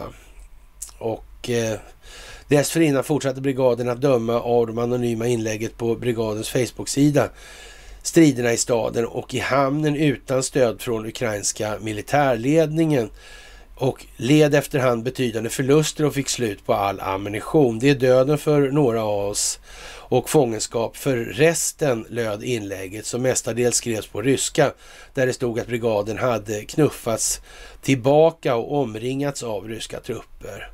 Enligt det måndagspublicerade inlägget utgör berget av sårade nästan hälften av brigaden. Och eh, ja, en brigad i sammanhanget brukar ju vara någonstans runt 5000 till 7000 man då och det är ju rätt många i så fall som är skadade skulle man väl kunna säga. Jaha, eh, ja, det, det, är ju liksom, eh, ingen vill kommunicera med oss längre eftersom de har avskrivit oss, skrev marinsoldaterna och tillade att deras begäran att bryta sig ur staden avvisades av kommandot som också lovade en helikopter som aldrig anlände. Man släppte väl in två eller ett par helikoptrar, åtta kanske det var, och två lyckades komma undan och resten sköt man ner och där hittade man den här amerikanska översten också, men det kommer vi tillbaka till. Ja, tidigare hävdade Valerij Salusny överbefälhavaren för de ukrainska väpnade styrkorna att kommunikationslinjen med trupperna i staden var stabil och upprätthållen och att landets militär var inriktad på att rädda så många militärer som skulle kunna. Och det blir ju lite mer komplicerat om det är så att det finns då biokemlabb under det här och så vidare. Då, då, blir det lite krångligt för många människor nu med sina förklaringsmodeller helt enkelt. Det kommer bli jättedåligt. Kanske det är så att ryssarna vet om det här. Det kan ju vara så också. Och att man gör exakt som man gör av en given anledning. Och där finns det alltså militära jurister inblandade i varenda beslut som har åtminstone taktisk betydelse på enskild nivå. Fine, kanske inte, men man är noggrann. Man är professionell i de här sammanhangen. Man vet vad man har att göra med på andra sidan staketet. Man vet vad den djupa staten är. Man vet vad rättsliga processer kan leda till. Man kommer ihåg Nürnberg. De här individerna, eller de här dokumenten får inte svenskarna. De ska vara till utpressning av de andra svenskar som har samarbetat med nazisterna sedan långt före 1938. Vem sa så?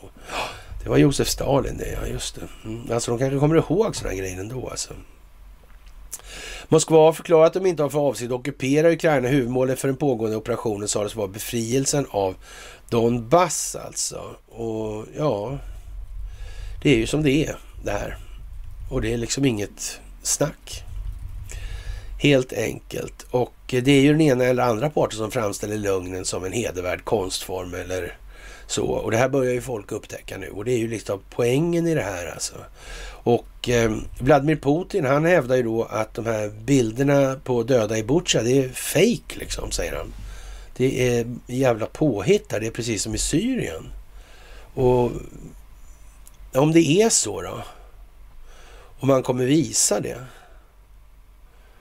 Hur blir det då med ansiktet för väst? Blir det något kvar? Hur blir det med, för, för svenska medier? Hur blir det för Anders Lindberg? Wolfgang Hansson? Jag vet inte. Kadhammar? Ja, det är svårt att säga det där alltså. Vladimir Putin anklagade väst för att ha planterat bevis på, för krigsbrott då tidigare, till exempel under kriget i Syrien alltså. Och han hävdade samma slags bluff då i Butja. Han hävdade utan att presentera några bevis för det påståendet. Okej.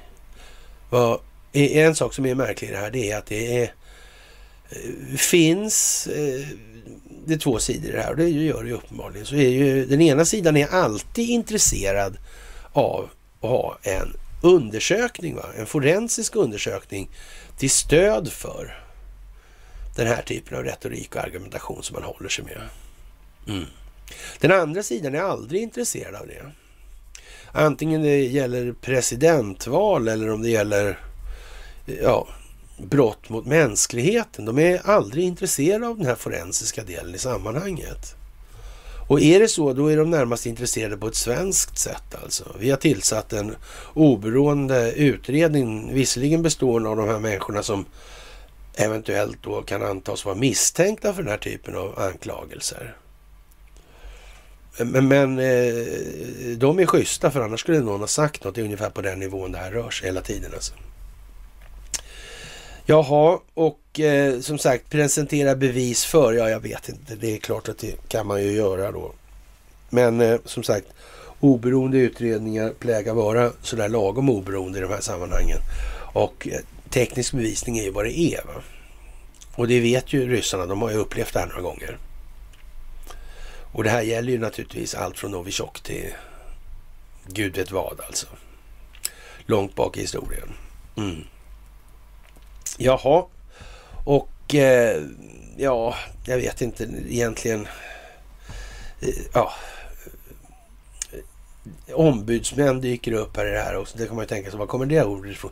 Undrar om ordet ombudsman finns, fanns ofta på Rysslands, ja, eller i Rysslands ordlista förr i tiden, alltså innan, nej, innan Sverige hade ombudsmän.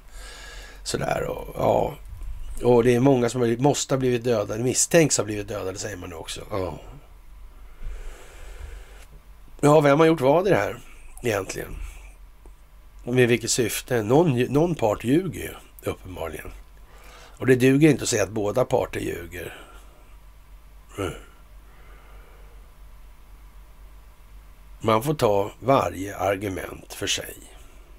Spjälka, dissekera, analysera. Så måste det vara.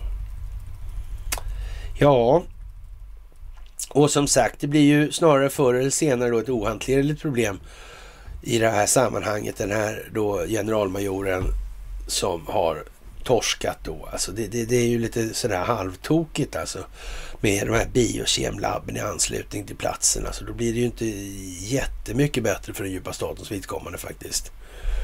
Det kommer ju att bli lite tokigt. Vad gör han där ens alltså? Hur ska man förklara det här? Och, och naturligtvis har ju de sidan som har hand om det här, de har ju naturligtvis sett till att ta reda på så mycket det bara går, hur länge som helst. Så när förklaringarna kommer så kommer ju det se för jävligt ut alltså. Men så är det nu. Och det är meningen också. Ja, som sagt. Eh, ja, ryska då utrikesdepartementet. Ja, det här hotet om kemisk terrorism bland de här ukrainska nationalisterna. Det är högst verkligt alltså. Och, och, då blir det ju inte mycket bättre heller. Skulle de verkställa ett sånt nu, och det kan de mycket väl göra alltså. Mm. Men, men det kommer ju att dra ner det här trovärdighetsmässigt något helt otroligt då alltså. Det är ju bara så. Samtidigt som man nästan kan vara helt säker på att man har vidtagit mått och steg i alla delar i det här. Så. Ja. Men Moskva uttrycker i alla fall då att de anser att hotet om kemisk terrorism från ukrainska nationalister och militärer är mycket verkligt sa Rysslands vice utrikesminister Oleg Syro, Syromolotov till Sputnik. Alltså, vi anser att hotet om kemisk terrorism från fascistiska nationalister som verkar under beskydd av den nuvarande Kiev-regimen och enheter från de väpnade styrkorna i Ukraina under, under deras kontroll av är mycket verkligt då. då. Och och eh, ja, vi får väl eh, hoppas att det inte behöver gå så jävla långt där nu. Men eh, å andra sidan så vet ju miliserna och de här, de vet ju mycket väl om att ja, nätterna där med Kadyrovs folk då, det, det är väl så där alltså helt enkelt. Kan man tänka sig. Sådär. Ja, det är ju vad ska man säga, man har inga problem, eller så att säga, inga ambitioner i alla fall att ockupera Ukraina. Det är ju givetvis, nej, så är det ju inte. Och, och några sådana här äh, konstiga idéer om, eh, ja, vad ska man säga, vad heter det, folkmord, va? tror jag det heter. Sådär, och, och vad är det där för någonting överhuvudtaget? Det är jättekonstigt. Och eh, som sagt, företrädare för Finland har åkt på turné och diskuterat möjligt NATO-medlemskap i nästan alla av alliansens 30 medlemmar, inklusive Turkiet alltså. Och ja, vad händer här egentligen? Det är ju märkligt. Och eh, kommentatorsfälten är ju liksom, det är ju många glada tyckare sådär och, och ja, ska man säga det? Man, man får nästan vara eh, Ibland så blir man nervös alltså. Då vet man ju att det är lite långt kvar så där ibland kanske. Och ja, helt enkelt. Och Sverige är redan med i NATO. Ja, eller jag tror att Sverige är redan med i NATO. Jaha. Ja, det kan man ju säga. Så man måste förstå lite om det här med underrättelsetjänstkollektivet och, och så vidare.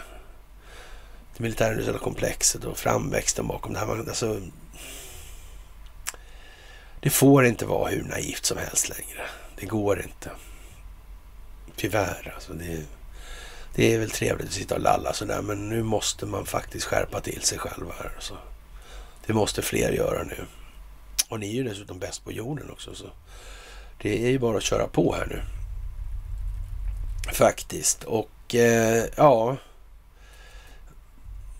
Det blir lite sådär eh, halv... Eh, speciellt ska jag väl säga sådär. Och vi har ju haft den här eh, idén med att det är som det är i Sverige. Va? Men man, nu kommer det faktiskt upp så här.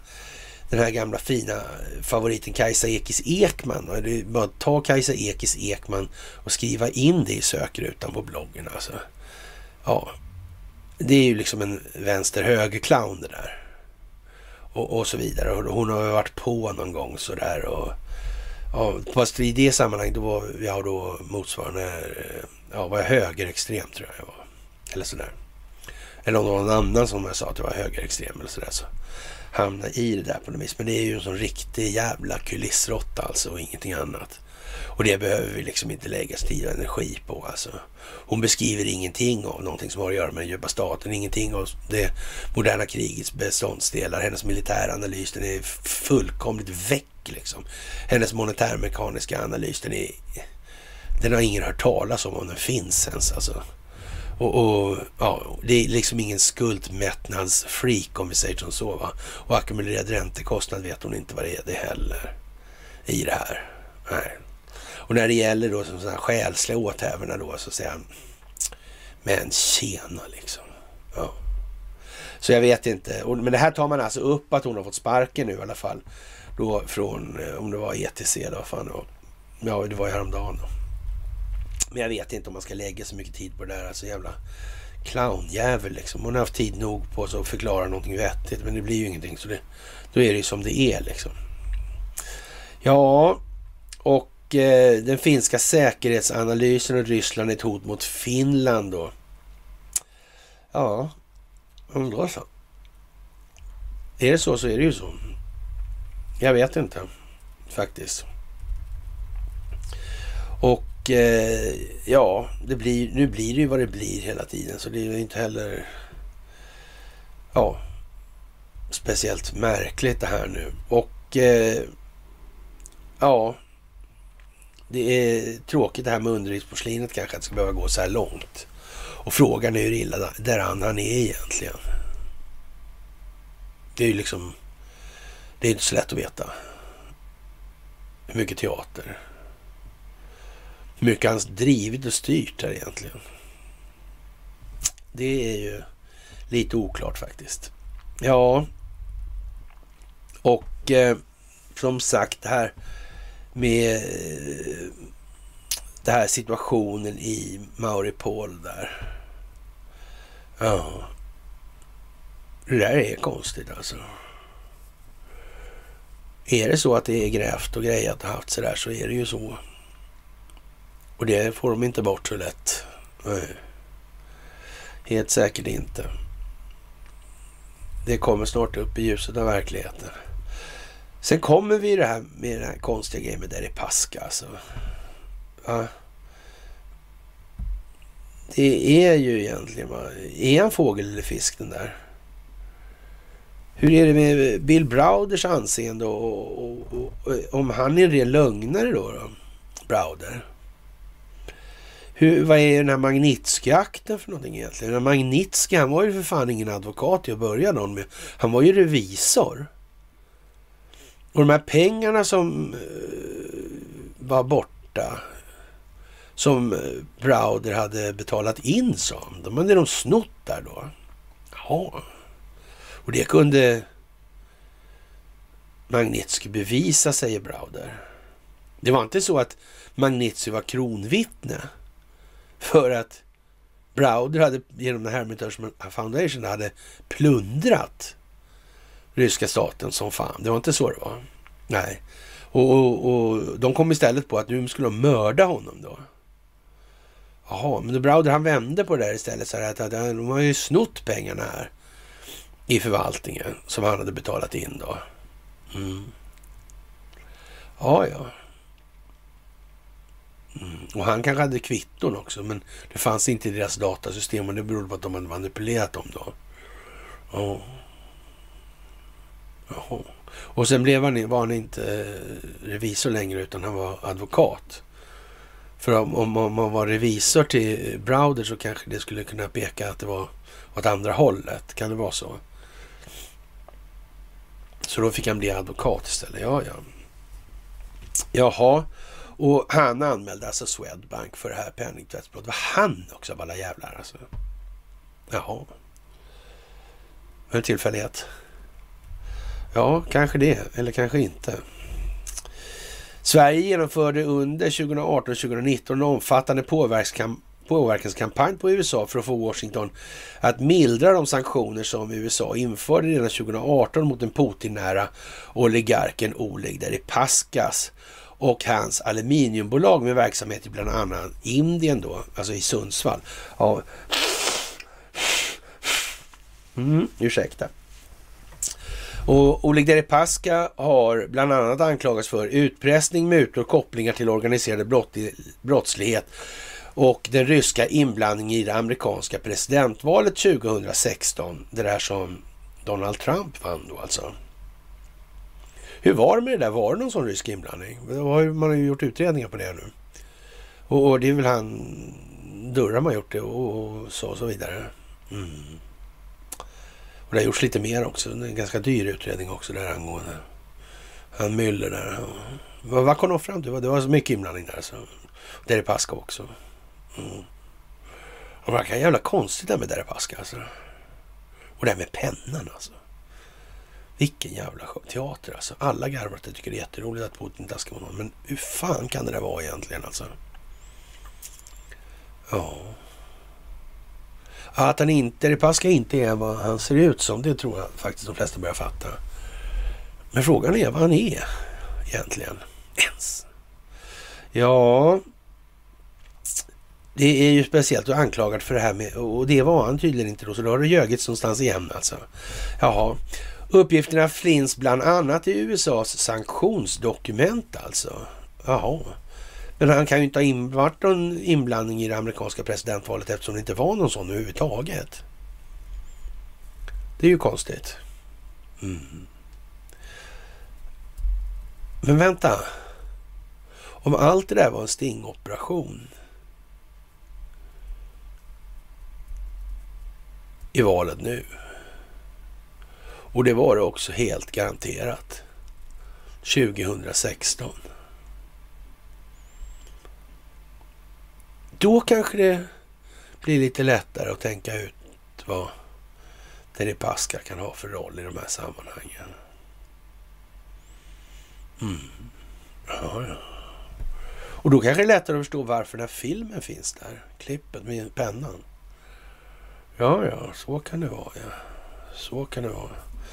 Nu kan SVT visa att Sveriges regering och ministrarna Ann Linde och Mikael Damberg 2018-19 drev en omfattande kampanj för att mildra sanktionerna mot Deripaska och hans bolag. Allt för att inte riskera några jobb i Sundsvall där aluminiumkoncernen äger fabriken Kubal. Dokument som SVT begärt ut från Utrikesdepartementet visar att kampanjen skedde i nära samarbete med Deripaskas bolag N+, och dotterbolaget Rusal. Regeringen skickade brev till Mike Pompeo i ett internt mejl på näringsdepartementet beskriver den biträdande eh, enhetschefen hur Rusal såg positivt på Sveriges arbete och enhetschefen redogör för Danbergs och det ryska aluminiumföretagets olika aktiviteter kring antisanktionsarbetet. Även andra länder bland annat Irland då agerar mot sanktionerna. Linde och Damberg skickar brev till bland annat utrikesminister Mike Pompeo i september 18 alltså. Och han Linde reste till Washington 8-10 oktober samma år och träffade politiker och chefen för sanktionsmyndigheten OFAC. Alltså Sveriges EU-kommissionär Cecilia Malmström reste till Washington i januari 19 och träffade bland annat finansminister Steve Mnuchin på dagordningen fanns sanktionerna mot aluminiumkoncernen alltså. Ja, i ett UDPM från januari 19 listas komplicerade faktorer där bland annat kritiker mot att slopa sanktionerna mot Deripaskas bolag identifierades. De kontaktades sedan av svenska tjänstemän.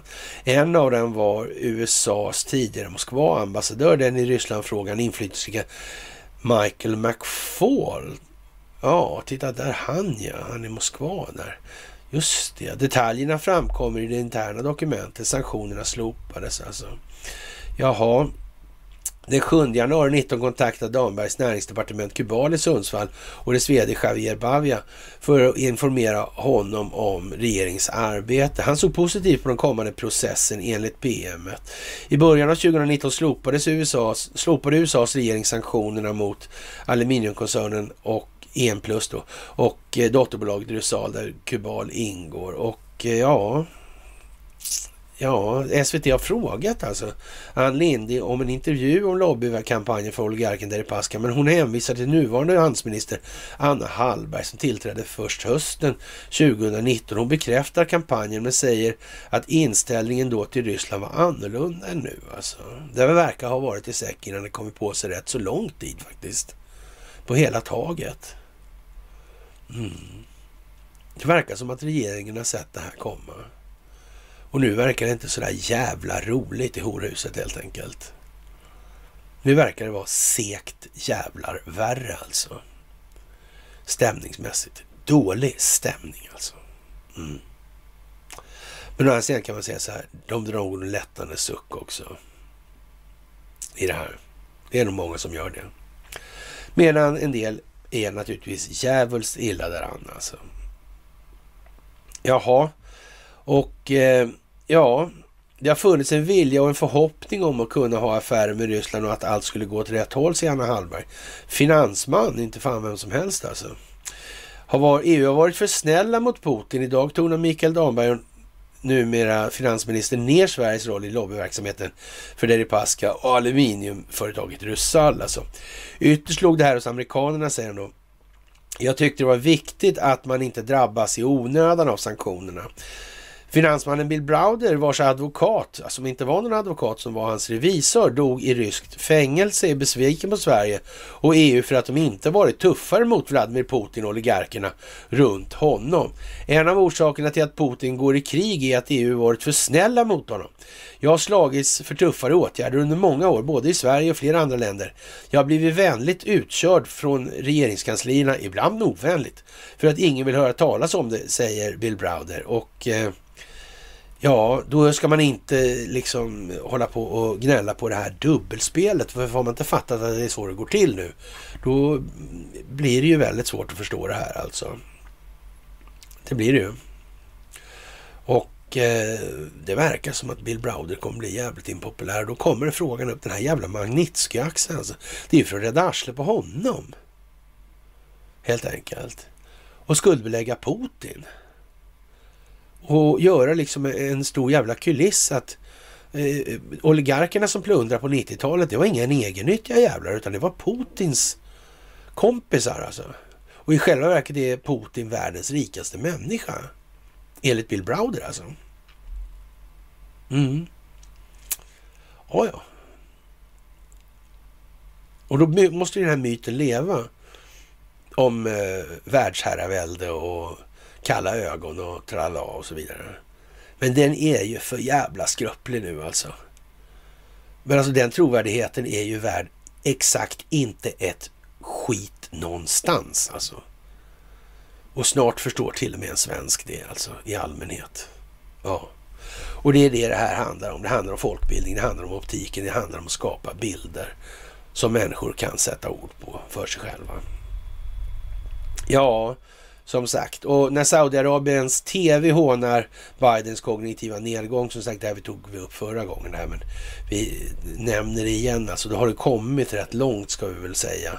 Och eh, ja, som sagt, det här med pennan och Deripaska, det får man faktiskt tänka efter lite mer noggrant alltså. Inte springa på första bollen sådär. Det är klart det var roligt första gången, men så här med facit i hand och kanske lite kännedom om vad som pågår i övrigt och kännedom om vem Bill Browder är. Och honom kan ni söka på bloggen i sökrutan. Alltså det finns så ni hinner tröttna på namnet om vi säger som så. Och det är under lång tid. Jag tror nog att vi har hållit på, eller jag håller på med Bill Browder i, jag vet inte, och så har vi den där jävla Åslund igen alltså. Ja, och tolkskolan också kommer upp. Och det är ju ett jävla stycke alltså. Mm. Vi kommer tillbaka till det alldeles strax också. Ja, ja, Sverige hjälpte Putin-nära oligark för att skydda jobb i Sundsvall i SVT då. Och jag vet inte vad vi ska säga egentligen. Det är klart att det är, är lite, det är klart att det är smålustigt att konstatera då att vi tjatar om Åslund och, och Kolomojski och Deripaska och, och så vidare så här i ja, hundra år liksom. För att tala om Bill Browder då. Mm. Ja, och nu kommer det liksom på bara, ja, som det är helt enkelt. Och eh, det är som sagt, det är stacklat så det räcker och blir över alltså. Jaha, det är, ja, polisen anmäler människohandel av ukrainska flyktingar i tre fall. Ja, vad fan ska man säga? Vad ska man säga om det? Är det otippat? Nej. Det är ju liksom blågult det här på något vis alltså. Det är återigen den här jävla traffickingen. Det är det där bolaget där. Ja. Som vi börjar med där. Ja. Som hade liksom någon VD som var mönstertypen där. Så kan de ha fattat de här grejerna? Ja. Det kan det vara så. Vi får väl se. Sten Heckscher kommer inte bli glad. Det tror jag inte. Som sagt, andelsägare i Twitter stämmer Musk och det sänkte aktien, precis som vi har varit inne på tidigare här. Det är väl inte så mycket att be för alltså. Vänsterpartiet tycker att eh, NATO-medlemskap riskerar att dra in Sverige i konflikter.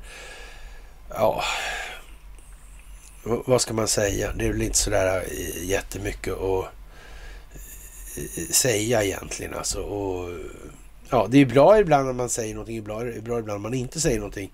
Och många eh, tycker om att skriva innan de har tänkt alltså. Fortfarande. Eller alldeles för många i alla fall. Sen är de inte så jättemånga, men det är fortfarande alldeles för många.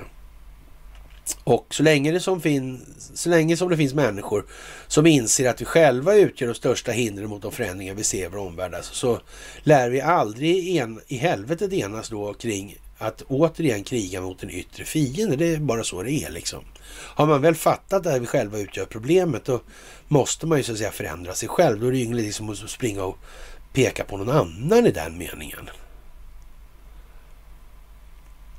Och, och, att man inte har gjort tillräckligt för att upplysa tillräckligt många. Ja, det, är, det är ju bara att konstatera. Då får man väl hålla på mer då. då. Det handlar ju inte om att ge upp. Det handlar om att hålla på mer då. Alltså det, var, det är den enda vägen framåt. Det finns ju inget annat. Sådär. Och eh, ja, men så lite sådär. Jaha, och eh, som sagt, det här är ju lite speciellt med det amerikanska valet just nu. Det är ju inte mycket att hoppas på alltså. Försvarets elitelever drog in miljarder i Ryssland i Svenska Dagbladet alltså. Och i den här artikeln då så eh, pratar man om folk som har läst ryska på statens tolkskola eller försvarets tolkskola. Och ja, hur har man använt det här? Hur har man använt för att exploatera då? Och så vidare. Ryssland i den meningen när det här begav sig. I början på oligarktiden där till exempel. Givetvis alltså. Det här var ju alltså en statlig grej då som man använde och de intressen som drog nyttan av det där, ja vilka kan det ha varit liksom, bla bla bla bla. Det var ju skitsvårt alltså. Och tror inte fan att Anders Åslund är där också. Och, och det, det, är ju inte bara han alltså som är där utan det är ju en skock med människor så, som har liksom, eh, ja, varit med fingrarna lite på olika ställen då sådär. Och Ja, man, får väl eh, någonstans kan man ju tycka liksom att det borde vara någon form av skamgräns. Men så, det tycker man ju ofta liksom. Men eh, det, det är ju liksom inte så det har fungerat helt enkelt. Det finns inga skamgränser i den enskilda nyttans tecken alltså. Så där så att, eh, ja, vad ska jag säga? Eh, det är ju liksom en, eh, en riktig... Och den här eh, Anatoly Tjubajs alltså som avgick där, han är naturligtvis megacentral i de här sammanhangen för svenskt vidkommande såklart. I ja, alla som helst sammanhang. Och det är ju, ja, så att säga, Anatoly Tjubajs, alltså, han anlitade alltså flera svenskar från tolkskolan för att sköta privatiseringen av ryska storföretag. Alltså jag vet inte exakt hur man, man, man behöver man göra det tydligare egentligen. Det, det, det där är, är, liksom, ja. Och, och, hur kontaktnätverken ser ut och, och, ja, som sagt jävla Åslund där och så vidare. Det är, det är alltså ett hyde med människor som har och, och, och, man undrar ju liksom, men hur kunde det bli så liksom? Hur kunde det bli så? Och bör, när började de motarbeta det här då? Blev de här intressena som hade etablerat det här som lyckades iscensätta, blev de glada då när de började motarbeta det där? Nej, det blev de inte. Alltså, förlorade de mycket på det? Ja, det gjorde de. Mm. Och, och, då kan man ju säga så här att ja, hur det här gick till då, systemet för det här, det kunde man väl ha gett sig fan på var det uppfanns någonstans. Såklart. Ja. Men nu talar man alltså om det i Svenska Dagbladet. I det här. Men folk i Ryssland begrep ju ingenting av det här. Och det begrep de som hade konstruerat det här systemet. Så de blåste ju den ryska befolkningen också. För säkerhet, de skapade de här oligarkerna. Så det är ungefär som att skapa techmiljardärer. Det är lite fantastiskt ändå. Ja. Ja, ja, det är ju bara helt otroligt. Sverige, Sverige i vanlig ordning alltså. Och eh, ja, Lundinfamiljen är ju liksom naturligtvis i det här och, och med Vostok Nafta och, och, så vidare. Det är ju ja, vad ska man säga? Bill Browder var en av våra kunder där också säger man här och jag visste att han var på gång med en egen fond. Vi lärde känna varandra, vi träffades ibland. Samma investerare han hade en helt annan stil. Han kunde inte ryska särskilt bra och använde tolk. Han kunde gå på ganska hårt på företagsledningen och anklaga folk för att vara korrupta. Vi valde en annan väg alltså. Och eh, ja, det där är ju som sagt, alltså det, det är bara liksom en jättesoppa alltihopa och, och det tar för lång tid att sitta här och, och, hålla låda om det. Men som sagt, det här finns ju på bloggen och det finns på min Facebook-sida nu. Så det, det, är som det är liksom. Det är bara att söka på de här namnen. Det är samma hela jävla tiden. Och det är lustigt nog i Sverige allting tycks höra hemma. Och eh, ja, det är ju många som har haft fingrarna i det här. Man kan ta till exempel eh, Sen starten 57 har skolan producerat personer, producerat personer alltså, observera det, som senare fått framträdande positioner. De första 40 åren enbart män. Allt från förre justitiekanslern Göran Lambers, Gunnar Westerberg, historiker och tidigare samhällspolitisk chef på Saco, förläggaren Svante Weiler till företagsledare som förre Nordea-chefen Hans Dahlborg och den tidigare Attendo-chefen Henrik Borelius eller ekonomerna Claes Eklund och Lars Kalmfors eller tidigare ministrarna Gunnar Lund och Erik Åsbrink och så vidare och så vidare. Och så, vidare. så håller det på sådär och ja, det är en riktig jävla gangsterliga alltså. Såklart. Mm. Och allihopa har det gemensamma att de har en själslig resning som är i det närmaste obefintlig. Mm. Man måste ha elektronmikroskop för att se den i alla fall, eller lokalisera den. Och som sagt, det är ja, det är en hel del det här alltså. Och, och ta tag i för många människor. Det kan man konstatera och fortgår också. Och eh, som sagt, DN kör upp då också. Ryssarna kommer att knacka på er dörr alltså. Och det här med Sundsvallsoligarken, det är ju som det är och ja. Och han, det är samma repa då fast när alla medierna kör upp det här. Så man får liksom inte missa att det här håller på nu alltså. Och det här hänger ihop med det här med NATO. Det hänger ihop med Rachel Maddow, vad hon håller på med i USA. Det här är samma sak. Alltihop konvergerar nu in mot Sverige. Och det är ju skönt alltså. Det blir en påsk att minnas det här alltså. Och eh, Tyskland har idéer om att nationalisera ekonomin alltså. Och ja, vi har ju inga sådana problem. Det verkar bara dumt alltså. Det är klart det ska vara enskilda nyttomaximeringsintressen som styr allting i Sverige. Och säger man så, och han är en speedig jävla kommunist. Kommunist! Som Karl-Bertil Jonssons pappa. Jag har närt en kommunist vid min barm. Jaha. Ja. Och vem fan konstruerade kommunistkulissen? Ja, vem var det egentligen? Ja, ja. Och eh, Unicef då svarar på det här lilla propån som Kiev har påstått då att de, det är ryssarna som håller på att handla med barn alltså. Det är ju inte ens värt att kommentera. Det är ju bara så jävla dumt så det liknar ingenting. Och eh, ja, vad ska vi säga egentligen? Det är rent bedrövligt alltså. Faktiskt är det då. Och eh, regeringen vill underlätta gruvtillgång för industrin i andra länder då, så de ska hålla på med exportkrediter för det. Vad sägs om att andra länder får sköta sina egna naturresurser? Och vi är fan i att sälja våra utomlands i samma utsträckning. Hur mycket behöver vi sälja och varför egentligen? Det är dags att börja tänka på sådana här större frågor nu i de här sammanhangen. Ja, och eh, Uppdrag granskning påstår att det är minimal skillnad mellan regionstyre och opposition. Alltså Ja, vad ska man säga? Man säger så här, de realpolitiska skiljelinjerna i regionen är ofta små, ibland så små att politiker inte själva kan se skillnad på den egna och andra partiets budgetar. Det avslöjar Uppdrag granskning och begärde ut alla regionernas och eh, då säger någon då, eh, människa som ska ha liksom lite koll på det här då att eh, ja, men då kan man ju skita i att välja alltså. Ja. Om politikerna går så nära varandra att det inte finns något alternativ kan man ju lika gärna stänga ner de här valen, säger statsvetarprofessorn Bo Rott. Rothstein då. Ja, men det skulle man ju kunna tänka sig. Vad, vill, vad menar man egentligen? Vad är värdeladdningsinnehållet på det där? Alltså, vad är det? Jag vet inte. Och Fauci sitter och blir utfrågad. Går det bra eller för den djupa staten? Nej, det gör ju inte det. Det går helt värdelöst alltså.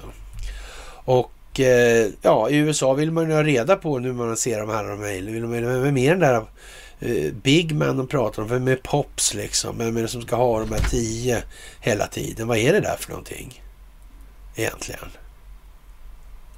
Ja, oh, konstigt alltså. Det är märkligt. Och som sagt, för få vill dö både i Sverige och USA. Göran Eriksson där, det är ju lite sådär speciellt alltså. Och ja, man, man, och så tar de upp Patton också i det här för säkerhets skull alltså. Och vi tänker på Hörningsholm, vi tänker på Stella Polaris, vi tänker på handel med underrättelsetjänst, information med fem parter, båda sidorna på världskriget, både axelmakter och de allierade. Alla hade tydligen behov av den där informationen. Vad konstigt. Vi tänker på Boschförhandlingarna i Washington. Mm. Är det svårt? Nej, det är det inte. Kommer det att bli som vi säger? Ja, det kommer det. Och undrar man ju då lite frågande, vad i helvete kommer det sig? Eller hur i helvete kommer det sig? Att ingen annan säger ett jävla pip. De hör ju åtminstone vad vi säger. Och de kan väl för fan kolla upp det då. då. Och sen kan de hjälpa till att säga samma sak. Ska det vara så jävla svårt? Men ska de sitta på arslet och sura då? För att de inte hade koll eller? Hur har de tänkt sig lösa det här liksom? Eller ska vi enas kring någonting som inte har med någonting att göra? Blir det jävligt bra det eller? Jag, jag tror inte, jag tror vi skiter i det helt enkelt. Ja, och så vidare. Och eh, ja, Taiwans militär ger ut en bok för, om, med råd då för kinesisk invasion. Det tog man till och med upp på X22 igår och mm, det där är lite speciellt alltså. Eh, enligt AFP är handboken delvis inspirerad av den svenska motsvarigheten om krisen eller kriget kommer. Jaha, vad konstigt. Var inte det lattjo? Varför har de gjort så för? Vill de säga något? Vet man någonting? Anar man någonting? Ja, det kanske de gör.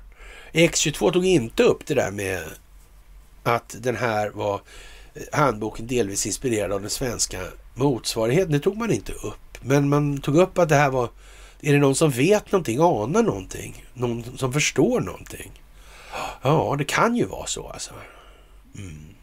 Om man dessutom har gjort som man har gjort här då. Ja, jag vet inte vad man ska säga egentligen. Det finns inte så mycket att säga nu. Det är, ja, alla ord är slut. Nej, det är de inte, men faktiskt. ja, jaha. Svenskar sparar Ukrainas internet, vill rädda det digitala kulturarvet. Ja, det kan man tänka sig. Vad kan det innebära egentligen? Ja, ni fattar själva. Alltså, det här är ju som det är alltså. Nu. Ja, och eh, Sri Lanka ställer in betalningen och betalar inte skuld på 500 miljarder och häromdagen var det Libanon. Hur går det med statsobligationerna nu i världen? Hur går det med centralbanksystemet? Ja. Vad ska hända med allt det här? Åh, oh, the great reset va? Ja. Nesara och Gesara, liksom. Ja, just det. Men vad fan tar skulderna vägen då? Försvinner de bara? Räntekostnaden bara försvinner också. Utan att bankerna får en massa förluster i balansräkningarna. Hur fan är det där egentligen? Ja, jag vet inte. Konstigt. Som sagt, eh, ja. Det här med Blackrock och så vidare, det är ju som det är nu. Och eh, vi har väl... Eh, ja, regeringen investerar miljarder i elnätet i norr, säger man. Ja. Samtidigt som man ska då testa fiskelyckan, höll på säga, men älvarnas reglering exponeras. Ska vi slå dem att det slutar med att miljörörelsen står och skriker att vi måste ha kärnkraft? Där landar vi det här i den delen. Mm. Helt säkert. Jaha, och grindvakterna de måste göra vad de gör då, då och techbaronerna gör vad de gör helt enkelt. Och ja, jag vet inte. När det gäller Cervenka är väl inte så mycket kvar att säga egentligen. Och eh, ja, utbyte med USA om försvarets fastigheter innebär att Ilja Batljan kommer på tapeten igen här. Mm. Det luktar förvaltning av den svenska byråkratin i Stockholm, alltså Stockholmsbyråkratin. FMV ligger i det här också. Ja, som sagt, man är oro för fiskarna. Man har oro för fiskarna i Blåsjöälven också. Där, när det, man, det är stort behov av el alltså. Det här med regleringen av älvarna. Den här revisionen. Det här handlar egentligen om mineralförsörjningen av Östersjön som blir lite lidande av de här kraftverken skulle man kunna säga. Så Östersjön håller på att dö. Men det har miljörörelsen glömt. Så de kan väl då i anledning av att de kommer tvingas ta tag i den frågan så kommer de förstå att vi kan inte ha den här jävla vattenkraften som vi har den. Det går inte för då dör Östersjön och då ställer vi till mer skit än vad vi kan hantera, helt garanterat. För länge, länge, länge sedan kom jag på att vi gräver väl en kanal liksom ute i Atlanten. Men vi kanske ska ge fan i det. Slipper vi få in de där jävla krabborna i Östersjön alltså. Ja, och så vidare och så vidare. Så vi ska inte pillra för mycket. Vi kan återställa och sen kommer det reda till sig. Men som sagt, miljörörelsen står för en, inför en reformation av gigantiska mått alltså. Så då. Och eh, ja, vad ska vi säga? Det är ju lite sådär kan man tycka med Ukraina-kriget och, och det här med vad tycker Ryssland om det här egentligen? Ja, kanske inte tycker något så jättemycket men det kanske handlar om att exponera det här. Helt och hållet. Att alla länder ska göra upp med sin egen historia i det här. Och de historier som respektive länder berättar för sig själva ska gärna vara kompatibla med omvärldens. Det är en trevlig grej alltså. För att det här ska fungera framgent ur ett samarbetsperspektiv. Så kan man säga. Och eh, ja, Putin och Lukasjenko har träffats och man har diskuterat en massa saker. Och det är ju som det är nu, kort sagt. Det kommer att visa sig vem som har gjort vad och varför och det är liksom ingen diskussion om den saken. Och eh, ja, hur djupt går Hunter Bidens affärskopplingar i Kina kommer vi naturligtvis få se prov på här inom kort och eh, det är ju en massa olika saker som bara trillar ihop i en konvergens här. Det samlas på något vis på något konstigt sätt runt omkring det här landet. Är det inte fantastiskt? Och ja, som sagt, Wallenberg och Damberg på NATO-möte i Finland alltså. Jag vet inte hur tydligt det ska behöva bli. Faktiskt. Jag vet inte det, men, men, det är tydligt att det måste bli väldigt tydligt. Vad, vad gör han ens där, Wallenberg, alltså? I de sammanhangen? Ja, det, det är ju konstigt. Och den här militären vi har alltså. Den är märklig alltså med sin politiserade inställning till olika saker. Den här fullkomliga frånvaron av neutral analys. Hela rimligheten är liksom åsidosatt från början. För att gynna enskilda intressen. Vad är det för jävla skit egentligen? Hur kan det få vara så? Är det rimligt? att Ska det vara så? Nej, det ska det inte vara. Under inga omständigheter. Det är helt fel. Ja, kära ni, vi kan ju hålla på hur länge som helst med det här alltså. Och eh, det behöver vi inte göra helt enkelt. Det är, räcker väl så idag kan man säga och det kommer ju så mycket saker. Så vi kan ju sitta här hela tiden i princip nu. Och eh, ja, vi får väl eh, helt enkelt eh, call it a day där alltså. Och eh, det är som sagt, det är fantastiskt. Man kan bara mala och mala och mala liksom. Det tar aldrig slut nu. Och det är större grejer än vad det var på, på ett år. Ja, för tio år sedan eller sju, åtta år sedan. Sådär. Det är fantastiskt och ni ska ha det största av tack. Och ja, sådär. Pennan är mäktigare än svärdet som sagt. Det är ju så. Ord styr tankar och påverkar tankar. Det är viktigt. Och eh, många förstår hur stort och djupt det här är. Hur viktigt det är. Hur misslyckat det blir när man bara håller på med ytligheter i olika sammanhang. Eller hemfaller för mycket åt ett, och annat, ett eller annat sätt att betrakta tillvaron på. Man måste hålla vidden, blicken lyftad, fågelperspektiv. Med det kära vänner tackar vi för idag och vi återkommer senast på fredag faktiskt. Och eh, det kan nog bli lite småsändningar så här tänkte jag. Ska vi pröva lite kanske? Om någon vill. ja, ja, vi får se.